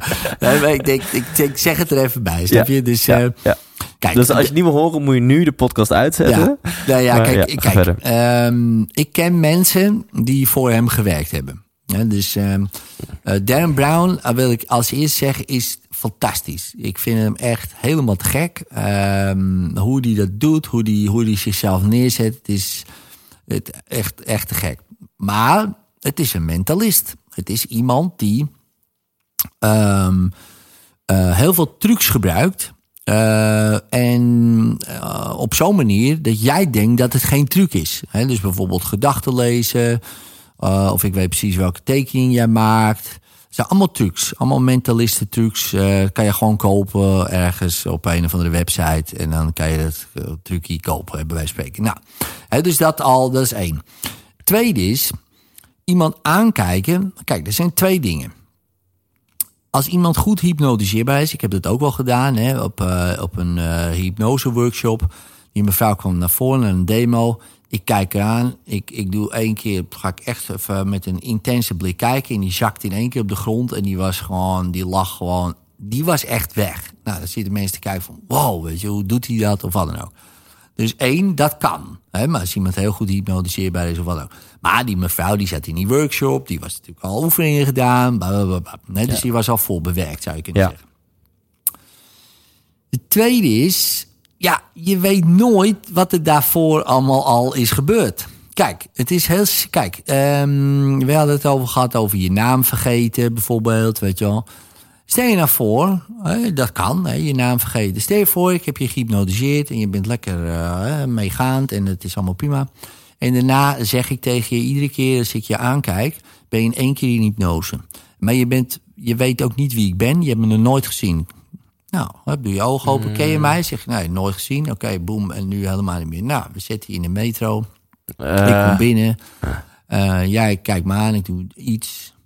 En je bent meteen weg. Ja, dat is allemaal geen hogere wiskunde hoor. Dus, eh, dus ja, en dan En- lijkt en- het net. En, en zij zal zeggen, nee, ik had hem nog nooit gezien. Nee, Ja. natuurlijk niet. Nee. Oh ik heb- god. En, en dit is dus geen misschien-theorie. Dit is in principe gewoon hoe ze dat soort dingen ja, filmen. natuurlijk. Kijk, je moet zo zien, het moet altijd lukken. Kijk, als jij een show hebt, zoals bijvoorbeeld Dirk Ogilvie of zo, met de babyfluisteraar eh, of wat dan ook. En het is voor tv, het moet altijd lukken. En dat, als dat zo is, dan, dan moet er wel een truc achter zitten. Want, anders, want het kan niet altijd lukken. Dat gaat gewoon Ja, niet. en het is dat weten niet we live. allemaal. Dat scheelt. Dus misschien heeft hij 34 mensen aangesproken in die metro. Nou ja, ja, ja. Wat denk je, Victor Mits? Je ziet bijvoorbeeld eh, twee eh, dingen dat hij twee mensen op straat aanspreekt. Maar in de, waarschijnlijk heb je die 50 aangesproken. De, de, de helft die stapt gewoon in de driehoekie. En de andere helft die blijft staan. En die gaan we uitzenden. Ja, natuurlijk. Ja, Ja. dat zou ik ook doen. Ja, want even voor mensen die nu afhaken, wat Darren Brown doet in de metro, vraagt hij aan een meneer van, hé hey meneer, bij welke halte moet u eruit? En doet hij net even een creatieve zinsconstructie en hij raakt die meneer even aan op een bepaalde manier. En dan zie je die meneer echt zo staan van, ja, ik, eh, ik weet geen, geen, eh, geen idee waar ik uit moet. Toch? En dan tikt hij weer even op zijn schouder en dan weet hij het weer. Ja, Zoiets. ja, precies. Nou ja, kijk, eh, dus, dus, dus één, dat kan allemaal een vooropgezet plan zijn. Twee, eh, kan het wel. Ja, bij sommige mensen werken dit soort dingen wel. Ja, dus het zou ook kunnen zijn dat hij het heel vaak heeft geprobeerd en bij die is het gelukt. Ja. Ja. dus dat kan ook nog. Kan hè? ook. Want eh, zoals ik al zei in het begin, zijn gewoon mensen zijn heel beïnvloedbaar. Ja. Eh, en die, ehm, ja, ja nou, precies. Eh, Ja, en, en- want als je het hebt over een Victor Mits, hebben jullie in principe dezelfde opleiding, maar dat, je, dat jij zeg maar de serieuze kant op gaat met mensen echt helpen, eh, fobieën, depressies, et cetera, dus breek je vrij. En dat, dat hij met dezelfde kennis de kant op gaat van meer mentalisme en show. Of, of, of, of heeft het niet dezelfde oorsprong? Ehm, nou ja, kijk, ten eerste heeft hij eh, medicijnen gestudeerd en is hij arts. En dat heeft zeker niet dezelfde oorsprong als ik. Dus, eh, dus Ja. hij is gewoon dokter en eh, ik was bouwvakker. Dus dat is wel een verschilletje. Daarnaast, wat, wat hij doet vind ik echt heel goed. In de zin van dat hij eh, voor een heel groot publiek... ehm, toch een soort van toegankelijk maakt. Ehm, eh, en, en, en iedere eh, vollichting daarover is goed. Ja. Alleen met hypnose, ja. Kijk, hij laat niet zien dat je van een probleem afkomt met hypnose. Ja, het is meestal alleen maar gewoon een beetje. Oh, ik laat je geld pinnen. Of ik doe, Ja. eh, doe een, een trucje ermee. En dat zie je eigenlijk overal. En dat vind ik, ja, jammer. Maar Ja. goed, dat, dat wil zo'n zender misschien ook. En, eh, weet je, en die, die is er allemaal niet bij gebaat dat het. Maar dat, dat vind ik wel eens jammer, zodat steeds, als er dan hypnose wordt gebruikt. Ja. Oh ja, het was weer eh zo'n Rasti Rostelli-achtig eh, dingetje. En we worden al Ja. eigenlijk alleen maar iedere keer banger als we het zien. Ja, dat vind ik dan weer jammer. En eh, wanneer komt jouw tv-show, Edwin? Ja, Waarin we je- zijn bezig. Hè? Ja. Dus ik ben bezig met, ehm, met de productiemaatschappij voor Netflix. Dus nou ja, stay, stay tuned. ja, er Ah, tuned. komt wel wat aan. Ehm, en ehm, over Darren Brown gesproken, daar was, ben ik ook wel een beetje mee bezig met zoiets. Maar dan kijken van... En dan een Ehm, tv-format of een ja, theaterformat? Ook, ook denk ik een Netflix-format, ja. En dus, eh, dus dat ook eh, een soort Netflix, ook, ook iets met een experiment. Dus daar ben ik mee bezig. Eh, maar waar mijn hart nu eh, echt eh, wel ligt, is in de sport. Ja, en ik wil echt daar. eh, ja, nou wat ik al zei, ik ben met die vechter eh, eh, bezig. En die gaat wereldkampioen worden. En dat, dat, daar ga ik bij zijn, ja. Ja. Dan ga ik eh, met mijn eh poffertjespan ben ik daarbij natuurlijk. Dat begrijp je. Dus, en dan ga ik. en hij wil het, Ja. hij wil, kijk, en dat is ook, ik heb wel meerdere sporters geholpen. Maar die willen er vaak niet over praten, weet je wel. Die wil het een beetje low Ja, profile. beetje- ik ga niet over hypnose. Of, of dit is mijn geheim, ik wil mijn concurrenten niet wijzer maken. bijvoorbeeld. Ja. Eh, maar voornamelijk voetballers die zeggen ja, nee, maar mijn team die denkt ah, dat ik dan gek ben of zo, weet je. Dus die, dat zit toch een beetje in die, eh, in die sfeer. Eh, maar deze jongen die, die wil daar wel over gaan praten. Dus dat hoop ik dan ook. Hè. Iemand kan het wel zeggen, maar ja, we zien het wel dan.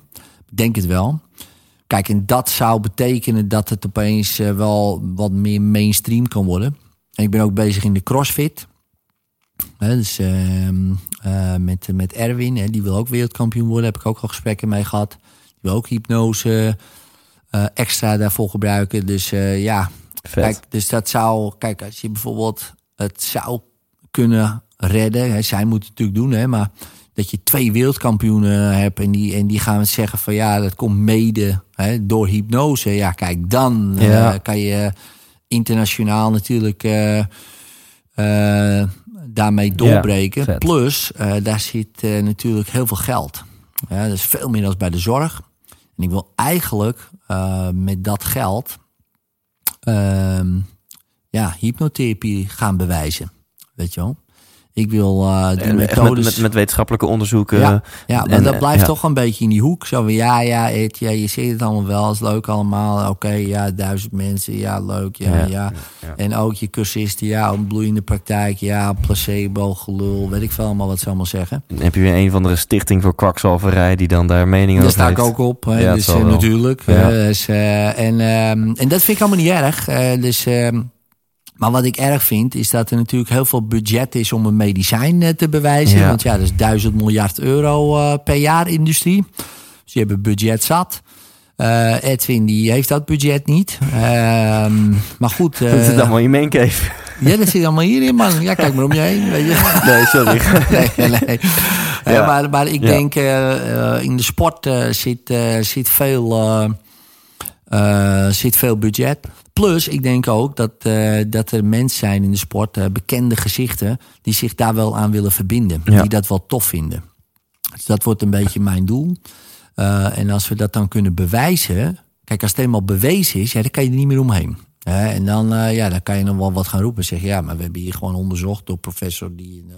Maar dan kan er ook budget heen. En dan kunnen we het ook op grote schaal bewijzen. Dus niet één probleem. Nee, meteen 50 problemen pakken. Die allemaal bewijzen dat het werkt. Eh, bijvoorbeeld bij, ik noem maar wat, 80,3% van de gevallen. Weet, weet ik veel wat eruit komt. Eh, en het zeggen, ja, maar dus gaan we dit regulier maken. Ja. Nou, en dan, dan is mijn missie op dat vlak eh, wel geslaagd. Tenminste, dan moet het nog wereldwijd natuurlijk. Maar eh, Ja. dus eh, ja. Dus ik, ik zie een heel mooi oorzaak-gevolgplannetje, zeg maar. Ja. Van, of een stappenplan eigenlijk. Want je wil uiteindelijk wil je dus zoveel mogelijk mensen hiermee kunnen helpen. absoluut. Ja. Om dat te kunnen doen, wil je dat dit regulier wordt. Ja. Eh, om dat te kunnen doen, wil je onderzoek gaan doen... wat wetenschappelijk onderbouwt dat hypnose werkt. Ja. om dat geld voor het onderzoek te verzamelen, wil je meer de topsport in. Ja. En dus dat is nu je focus, zodat je dit rijtje richting jouw missie. Ja. Eigenlijk wil ik eh, zo beroemd worden, weet je wel, dat je dan eigenlijk ook al die mensen eh, kent, zodat je ze ook makkelijk achter je kan scharen. Weet je wel, als Ja. je natuurlijk onbekend bent, dan denk je, ja, wie is die gast? Maar als je natuurlijk heel bekend bent, vinden ze het leuk. Dan denk je, oh, dat is die gast, weet je wel. Oh, is Ja. leuk. Wat gaat hij doen? Oh, heeft ook nog wel een goed idee. Nou ja, leuk, weet je wel. Gaan Ja. we ondersteunen, want ik mag hem wel, weet ik veel. Het heeft altijd met relaties te maken. Ehm, en eh, ja, als je natuurlijk eh, uit de familie komt van arbeiders. Ja, ik kan moeilijk aan mijn moeder vragen: hey, mam, kan jij even wat geld lenen voor. eh, ik, heb, ik heb twee ton nodig. ja, precies. Dat wordt, een heel, dat wordt heel lastig allemaal. En, en dat moet, dat, dat, daar gaat het ook in. Maar ja, dus dat is, dat is nu mijn, mijn plan. En als, wanneer dat is gelukt, dan wil ik ook dat onderwijs. ja, daar ligt ook mijn hart. Kinderen. Kinderen gewoon al meteen. En net als wat ik eigenlijk heb gemist, eigenlijk bijna ieder kind heb gemist op school. Van goh, eh, hoe word je rijk? Hoe blijf je gezond? En hoe word je gelukkig? En blijf je gelukkig? Hoe krijg je liefdevolle relaties?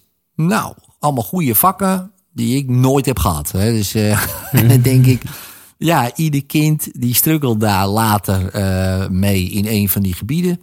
Terwijl als je dat gewoon op school krijgt, met nog alles wat je nu ook erbij krijgt, denk ja, dan maak je gewoon echt eh, topvolwassenen, weet je wel. En, en die gaan vanzelf wel de wereld dan verbeteren. Maar het moet, moet wel beginnen bij. Het begint altijd bij onderwijs. Altijd bij onderwijs en voorlichting. Ja. Dus daar. eh, dus dat wordt dan de volgende. Dus wat, wat jou betreft zegt de juffrouw in groep 5... Jongens, meisjes, we gaan het vandaag of deze week gaan we het eens even hebben over hoe creëer je een liefdevolle relatie. Bijvoorbeeld, ja. En dat begint met elkaar natuurlijk, weet je. Een liefdevolle klas. En dan weet je, ja, dan weet je precies hoe het gaat. Nou, nou, nou liefde, liefde. Wat is een gek onderwerp. En moeten we dan dit? Nou, maar als dat allemaal bespreekbaar wordt gemaakt. En een beetje met oefeningetjes. Ehm, ja, en dat je dat later dus niet eh, allemaal cursussen per se hoeft te volgen. Weet je, Ja, per ja. se. Eh, Dat je denkt van, goh, weet je, ik snap er geen reet van. Dan ben ik 43, ik snap het nog niet. Weet je wel, moet ik naar een of andere seminar of een of andere cursus van eh, hoe word ik man of hoe laat ik mijn hart spreken. Weet ik van wat voor cursussen er allemaal zijn. En dan moet ik dat eigenlijk gek. Waarom dat niet op school? weet je wel. En dan, ja, dat, dat, dat heb ik altijd al vreemd gevonden. Ja. Ehm, ja, en ook allemaal de trucjes die ik nu mijn jongens leer. Ja, die hoeven nooit faalangst te hebben of bang te zijn of wat dan ook. Want die hebben gewoon trucjes eigenlijk, want zo maniertjes, om dat heel snel bij zichzelf op te lossen. Dan denk je, dat moet toch iedereen weten, man. Ja. Dan denk ik, wat, wat, waar, waarom... En heel moeilijk is niet één dagje even dat... le- Weet je het? Ja, bizar. Dus het moet heel fijn zijn om een kind te zijn van Edwin Selei. Dat hoop krijgt- ik. Ja, Dat hoop ik, ja. je krijgt al die Ik denk dat mijn oudste zoon daar af en toe eens anders over denkt. Maar, tegenwoordig. Maar eh, ja, nee, ik hoop het. Ja, dat hoop ik. Ja, dat ze laten Ja. zeggen van wauw, ik vond het echt wel tof. Weet je. Ja, dat Ja. hoop je toch altijd eh, als, Ja, eh, als vader. Om nog maar te zwijgen over hoe het moet zijn om Edwin Selei zelf te zijn. Ehm, is het dan zo van, je hebt het over breek je vrij. Nou, het boek ligt hier op tafel. Gaan we, straks ga ik jou nog ontzettend beïnvloeden om er een paar te signeren, zodat ik, ik die kan verloten. Ja, ja, cool. cool. Ehm, maar eh, je hebt het over breek je vrij, omdat je natuurlijk ook alles niet alleen op je kids en op je cliënten, maar ook op jezelf toe kan passen. Ben jij dan zo goed als vrij van angsten? Ehm, nou, zo goed als wel. Kijk, al die, al die shit die ik vroeger eh, had, daar ben ik echt wel van bevrijd. Dat is wel klaar. Maar heb ik wel eens een dipje? Eh, zeker, ja. Eh, ben ik wel eens onzeker? Ja. Ben ik wel eens bang? Ja, ook wel. Weet je, denk oeh, gaat het wel? Ik laat me daar niet door eh, regeren, zeg maar. Dus ik, ik denk dat iedereen dit wel in meer of min, mindere mate hebt. Kijk, en dat is altijd een beetje... Als je dit werk doet dan denken mensen vaak, nou, die gast, jongen, die is alleen maar gewoon de hele tijd gelukkig. Nou, dat valt wel mee. Eh, want je hebt gewoon je dingetjes. Je hebt je stress, eh, dit wel. Of, eh, ja, je, je- of je wordt geraakt door iemand die wat zegt over je ergens op social media of wat dan ook. Ehm, ja, en dan komt dat binnen. Ja, ik weet nog bijvoorbeeld dat ik, voordat ik begon met CrossFit, dat is nu Het was 21 maart 2018 begon ik. Ik zag toevallig nog een videootje van mij van 19 maart. Ik denk, jezus, wat zag die gast eruit, jongen. We gewoon een beetje, een beetje dikkig en een beetje wallen. En ik, ik voelde me toen echt niet oké. Ik, ik, ja, gewoon, weet je, lamlendig en moe. En ik dacht ik heb allemaal weinig zin en dingen. En uh, ja, dan ga je hard trainen en goed eten. Ja, en dan voel je je weer beter. Ik voel me nou echt heel veel beter. Dus ja, het heeft niet natuurlijk alleen maar mentaal. Van, oh ja, ga anders denken, weet je wel. Ja, dan kan je... Uh, Oké, dus ik dacht wel... Ja, ja, ja, je denkt wel lekker, hè? Ja, maar als je dan ook nog eens een keer acht roze koeken op wegvreet... ja, op een gegeven moment dan... Uh, ja, zoals die kickboxer die een Chinese rijsttafel wegwerkt voor zijn gevecht. Dat werkt ja, natuurlijk dan, niet, weet je wel. En het is allemaal geen hogere wiskunde, maar dat was ik even vergeten. Ja. Uh, dus al die componenten, goed slapen, goed eten, goed trainen heeft allemaal effect, weet je. En, en ja, en, uh, en nu voel ik me weer een stuk, uh, stuk beter. En, uh, maar ik heb die natuurlijk, ja, wie, ja, misschien sommige mensen niet, maar ik heb absoluut wel mijn dingen, ja, zeker. Ja.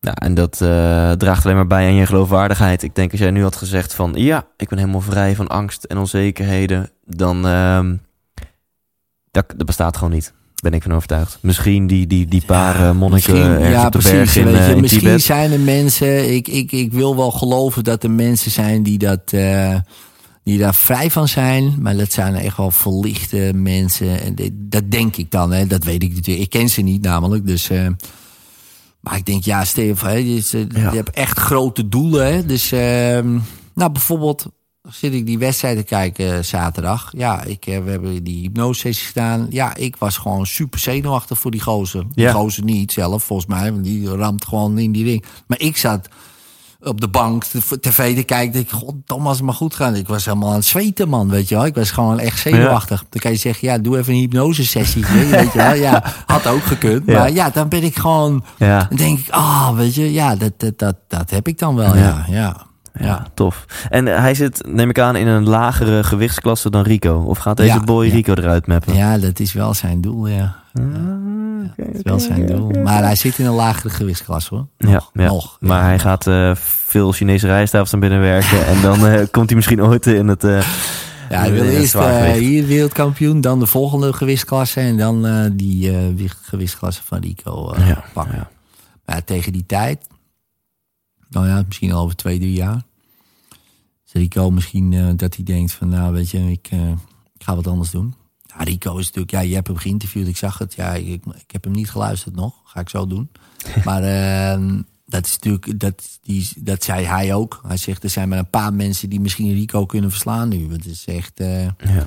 echt een, een topvechter natuurlijk. Weet Ja. je. En, en ook, en dat heeft deze jongen ook. En dat is ook wel een verschil. Hij is ook een toffe gast. Kijk, heel veel kickboxers, eh, met alle respect. Dus eh, ik hoop niet dat ik nu iemand.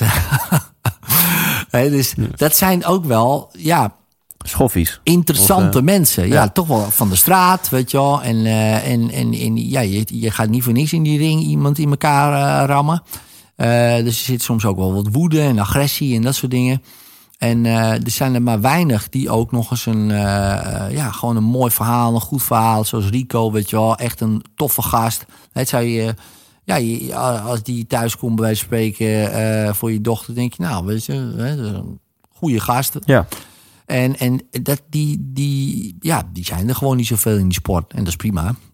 Maar zo'n Glory, ja, die vinden het natuurlijk wel super interessant als er zo'n Ja. eh, iemand eh, eh, als, als spreker ervoor is. Want ja, dat geeft heel veel aanwas voor, voor nieuwe leden. ja, absoluut. Dus wat dat betreft, ja. Hey, en dan even om het plaatje rond te maken. want jij doet het niet allemaal in je eentje. Sterker nog, je hebt een hartstikke mooi team om je Ja, heen gebouwd. absoluut, Eh, ja. 2010 ben je mee begonnen.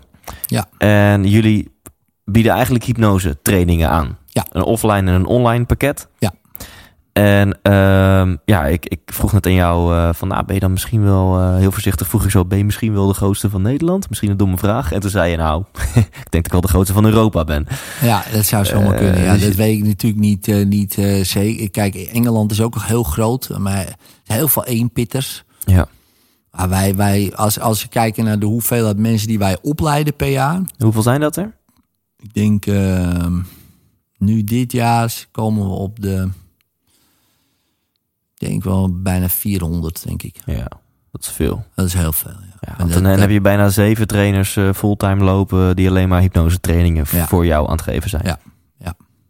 Ja, dus dat is echt heel veel, ja. En, eh, dus ja, en dat, dat, dat zie ik niet bij anderen. Ja, dus eh, nou weet ik, ik kan niet bij iedereen in zijn keuken kijken. maar wij doen, doen er heel veel. En dat komt ook, en dan zeggen mensen, ja, maar wat is dan die drive? Ja, ik wil gewoon dat iedereen dat kan. Omdat ik, eh, omdat ik gewoon om me heen kijk en denk, ja, de wereld heeft goede suggesties nodig. De wereld heeft gewoon mensen nodig die snappen dat een goede suggestie op het juiste moment gewoon iemand zijn leven kan veranderen. Ja. En, eh, eh, want ja, denk maar aan je eigen leven, weet je wel. Sommige mensen zijn in je leven gekomen om alleen maar één goede suggestie te geven. Als je er echt goed over nadenkt en die deden dat op een periode dat je Ja. dat nodig had en in één keer is je leven veranderd. Man, als die persoon er niet was geweest. ik krijg eh, allemaal eh, kippenvel ervan, want ik, bij mij is dat ook gebeurd namelijk. Dat waren, ja, maar stel je voor, iedereen zou dat doen. Iedereen zou zich bewust zijn van het feit van... oké, ik kom iemand tegen. Dit kan een kruispunt zijn voor ons beiden of voor die persoon. Weet je, ik weet het natuurlijk niet, want ik, zie het al, ik overzie het niet. hey, ik zie dat hij in een staat gaat dat hij ontvankelijk is voor suggestie. Ik lach. Nou, dat is allemaal geen hogere wiskunde. Maar iemand denkt, Ja. wauw, iemand lacht naar me. Ik word gezien, ik word gehoord. Zie je wel, ze zijn er voor me. En wie weet, Ja, je weet wat- nooit wat het triggert. Wat tof dat je het zo klein maakt. Ja, Of, dat- of net op het juiste moment van hey, echt respect dat je dit durft te delen. Of wat, wat goed dat je dat zegt. Of Ja, het kan heel ik klein zijn. dit in je. Echt. Of eh, wat dan ook. Ja, Ja. Je wil niet weten hoe. ehm, en mensen weten dat wel. Hè, die, die luisteren ook. En je luistert en denk je, ja, weet je, dat, dat. Tuurlijk is dat zo. Maar goed, we zitten vaak in de waan van de dag en weet ik het allemaal. Maar daarom wil ik ook dat mensen ja, dit leren, zodat ze daar nog bewuster van worden. Dat ze denken, en dat niet alleen, dat ze ook misschien meer vaardigheden hebben. Dus niet alleen lachen en een goede suggestie, dat kunnen we allemaal wel, hopelijk. Eh, eh, maar een vaardigheid van, oh, ik ben nu bang, weet je wel. Oh, kom even. En binnen vijf minuten is hij niet meer bang. Weet je, zoiets. Dat kan een, voor een kind. Ik had een keer iemand die had heimwee, die was aan het huilen. En eh, oh, ik zei, wil je er vanaf? Ja, ja, kan dat dan? Ik zei, ja hoor. En vijf minuten later, geen heimwee. En die, die moeder zegt, ik weet niet wat je gedaan hebt... maar nou wil ze logeren bij een vriendinnetje in Kroatië. Ik zeg, die, die, die, die wil, durfde niet eens te logeren bij, de buur, bij het buurmeisje, weet je wel. En ik denk, ja, dat was echt letterlijk vijf minuten een oefeningetje. Ja. Denk ik, ja, dat is allemaal... En dat is niet omdat ik zo goed ben, maar dat is gewoon, die oefeningetjes zijn er gewoon. Je kan ze gewoon oppikken, je kan ze gewoon leren. Ja, en stel je voor, iedereen zou dat kunnen. Dat is toch Om, geniaal, om gewoon maar weer aan te geven dat het allemaal programmering is. Absoluut. De, de, de- als je maar genoeg fijn associeert met uitlogeren. Ja. eh, in plaats van pijn associëren met uitlogeren. Ja. Dan eh, Dan verandert de wereld. Ja, dat verandert de wereld, ja. En, en als je daar bewust van bent en, en het zit een beetje in je systeem om zo te denken en te doen, ja, dan, dan ja, dan is binnen no time is het een andere omgeving, hoor. Dankjewel Edwin. Ik, eh jeetje, de tijd is voorbij gevlogen. De spersiebonen staan te verpieteren. Want als mensen ehm, nu denken, ja, ik, ik wil een sessie bij jou of bij een van je trainers. Is dat dan, kunnen mensen eigenlijk alleen een volledige training bij jullie afnemen? Of kan je ook nog therapie, of, of de één op één sessies bij jullie afnemen? Nou, zelf doe ik geen sessies meer. Eh, ik doe alleen nog eh, soms... eh, Tenzij je topsporter bent en ja, heel veel geld hebt. ah, ja, ja, interessante trajecten die mij Ja?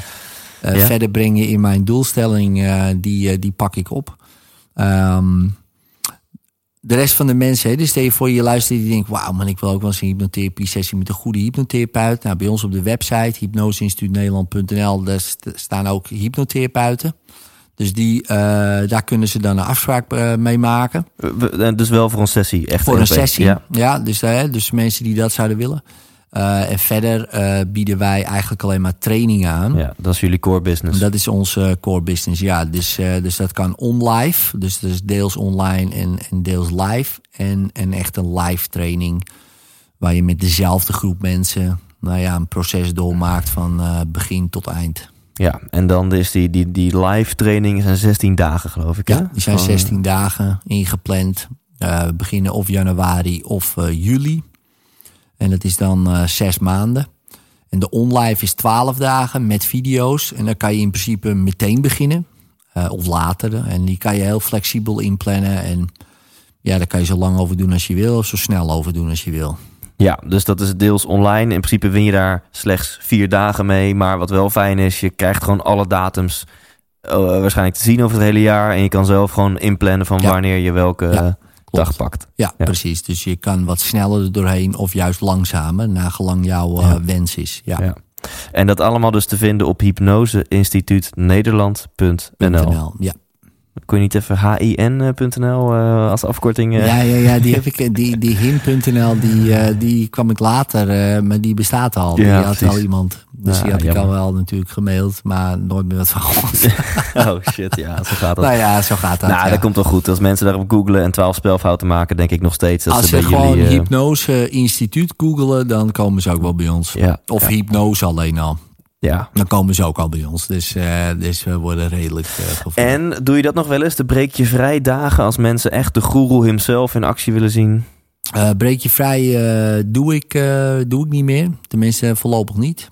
Ehm, dus mijn focus ligt nu echt op, op die dingen die ik net, net noemde. Ehm, mochten die dingen aan het rea- realiseren zijn, dan is de kans best wel aanwezig dat ik breek je vrij weer oppak. Ja. Uh, maar eerst dit project. Ja, ik merkte dat ik uh, veel focus aan het verliezen was. Ik deed te veel dingen um, tegelijk.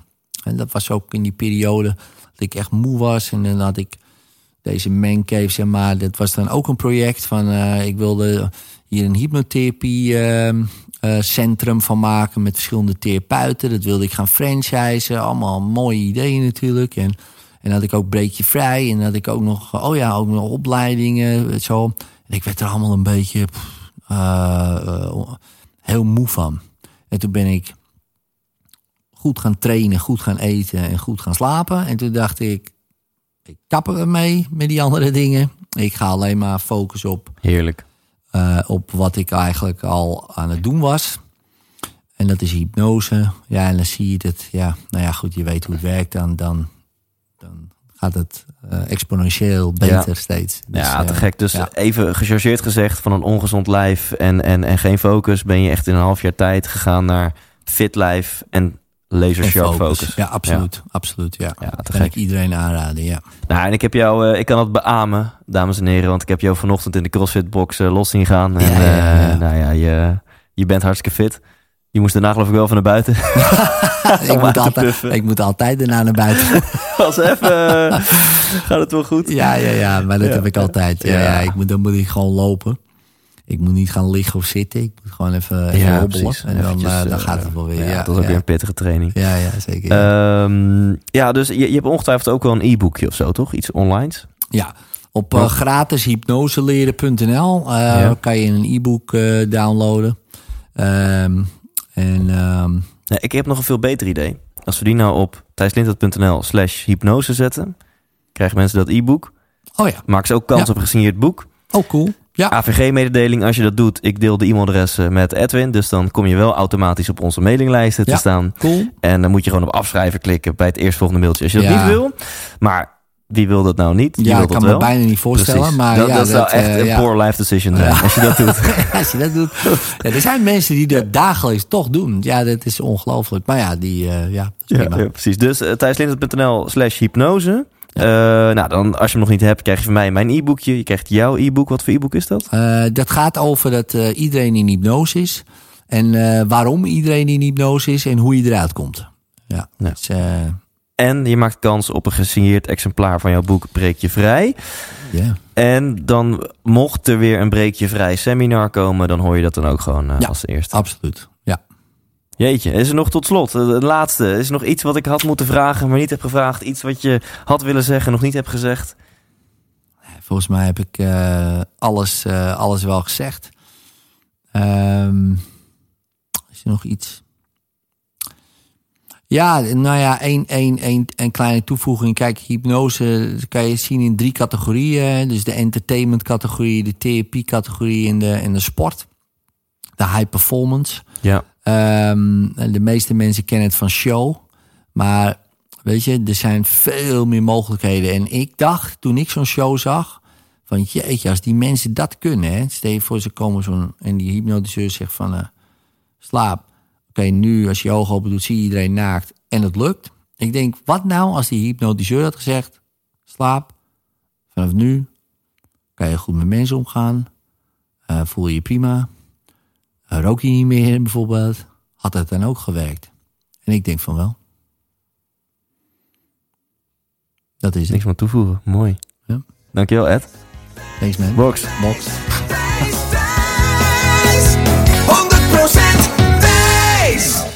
Thanks, thanks, thanks voor het luisteren naar deze aflevering. Ik hoop dat je net zo genoten hebt als ik. Ik geniet enorm van de, ja, de manier van praten van Edwin. Van de, zijn nuchtere visie. En dan hoe, ja, hoe daar bijzonder verstandige en inspirerende eh, dingen uitkomen. Ehm, op thijslindhout.nl slash Edwin heb ik nog helemaal niet aangegeven in de intro. Maar daar vind je een hele hoop extra's. Onder andere zijn e-book Hypnose 2.0. The Way to Unlock the Brain. Dat e-book is trouwens gewoon in het Nederlands, maak je geen zorgen. Die staat dus voor jou klaar, gratis en voor niets op thijslindhout.nl slash Edwin. En ook alleen dan, als je daar dat e-book downloadt, dan maak je kans op een gesigneerd boek. En het boek heet Breek je vrij. Uiteraard geschreven door Edwin Op thijslindert.nl slash Edwin vind je ook een linkje naar de site van Theater De Flint in Amersfoort om tickets te kopen voor Rocking Up Xmas Benefiet. En misschien herken je dat, soms organiseer je iets en dan voel je van tevoren al, dit gaat magisch worden. En dat durf ik echt te beloven over deze avond. Dit zijn stuk voor stuk professioneel sprekers. Uh, mensen die normaal gesproken hoge tarieven vragen om hun uh, verhaal te delen. En die nu allemaal voor nop, uh, voor het goede doel, hun tijd investeren. En, en hier een magische avond neer gaan zetten. Sabine Uitslag praat het aan elkaar. Mijn goede vriend Arjen Bannach die doet een korte talk over hoe jij meer energie en uh, geluk op jouw werk kunt vinden. Edwin Selij zal een talk doen. Ik doe een mini-versie van mijn inspiratieshow. We hebben ook nog Timon Krause, een mentalist. En Niek van den Adel is een uh, bevriende ondernemer en spreker van mij. Die um, ja, met een waanzinnig verhaal komt. Hij zit in een rolstoel, heeft een dwarslesie. En hij vertelt hoe jij meer zingeving uit het leven kunt halen. Onder andere door het delen van zijn persoonlijke verhaal al met al voel ik dat dit een bijzondere avond gaat worden. En dat vooral omdat we dit allemaal doen voor dat hogere doel. Geluk is nog veel mooier als je het kunt delen. En dus voor al die gezinnen die, ja laat ik gewoon eerlijk zijn. Het zijn over het algemeen gezinnen, want ik ken een aantal persoonlijke verhalen. Die krijgen we soms te horen van de voedselbank. Die hebben gewoon een klote jaar achter de rug. En hoe bijzonder is het dan dat ineens de deurbel gaat. En je weet niet wie het is, je verwacht niks. En daar staat een vrijwilliger een koerier, zeg maar. Met een mand met daar gewoon een hele hoop eten in voor het hele gezin. En dat is dus van iemand die dit jou gunt. En, en ja, het effect daarvan uh, zo zomaar is um, heel ver kunnen gaan. Dat is in elk geval wat wij hopen. Dat is het grotere gedachtegoed van deze actie. Laten we wat meer voor elkaar doen. Laten we alsjeblieft geluk delen. Ah, Oké, sorry voor uh, dit epistel. Uh, maar goed, de passie nam het eventjes over. Dus hopelijk zie ik jou tijdens deze benefiet op maandagavond 17 december.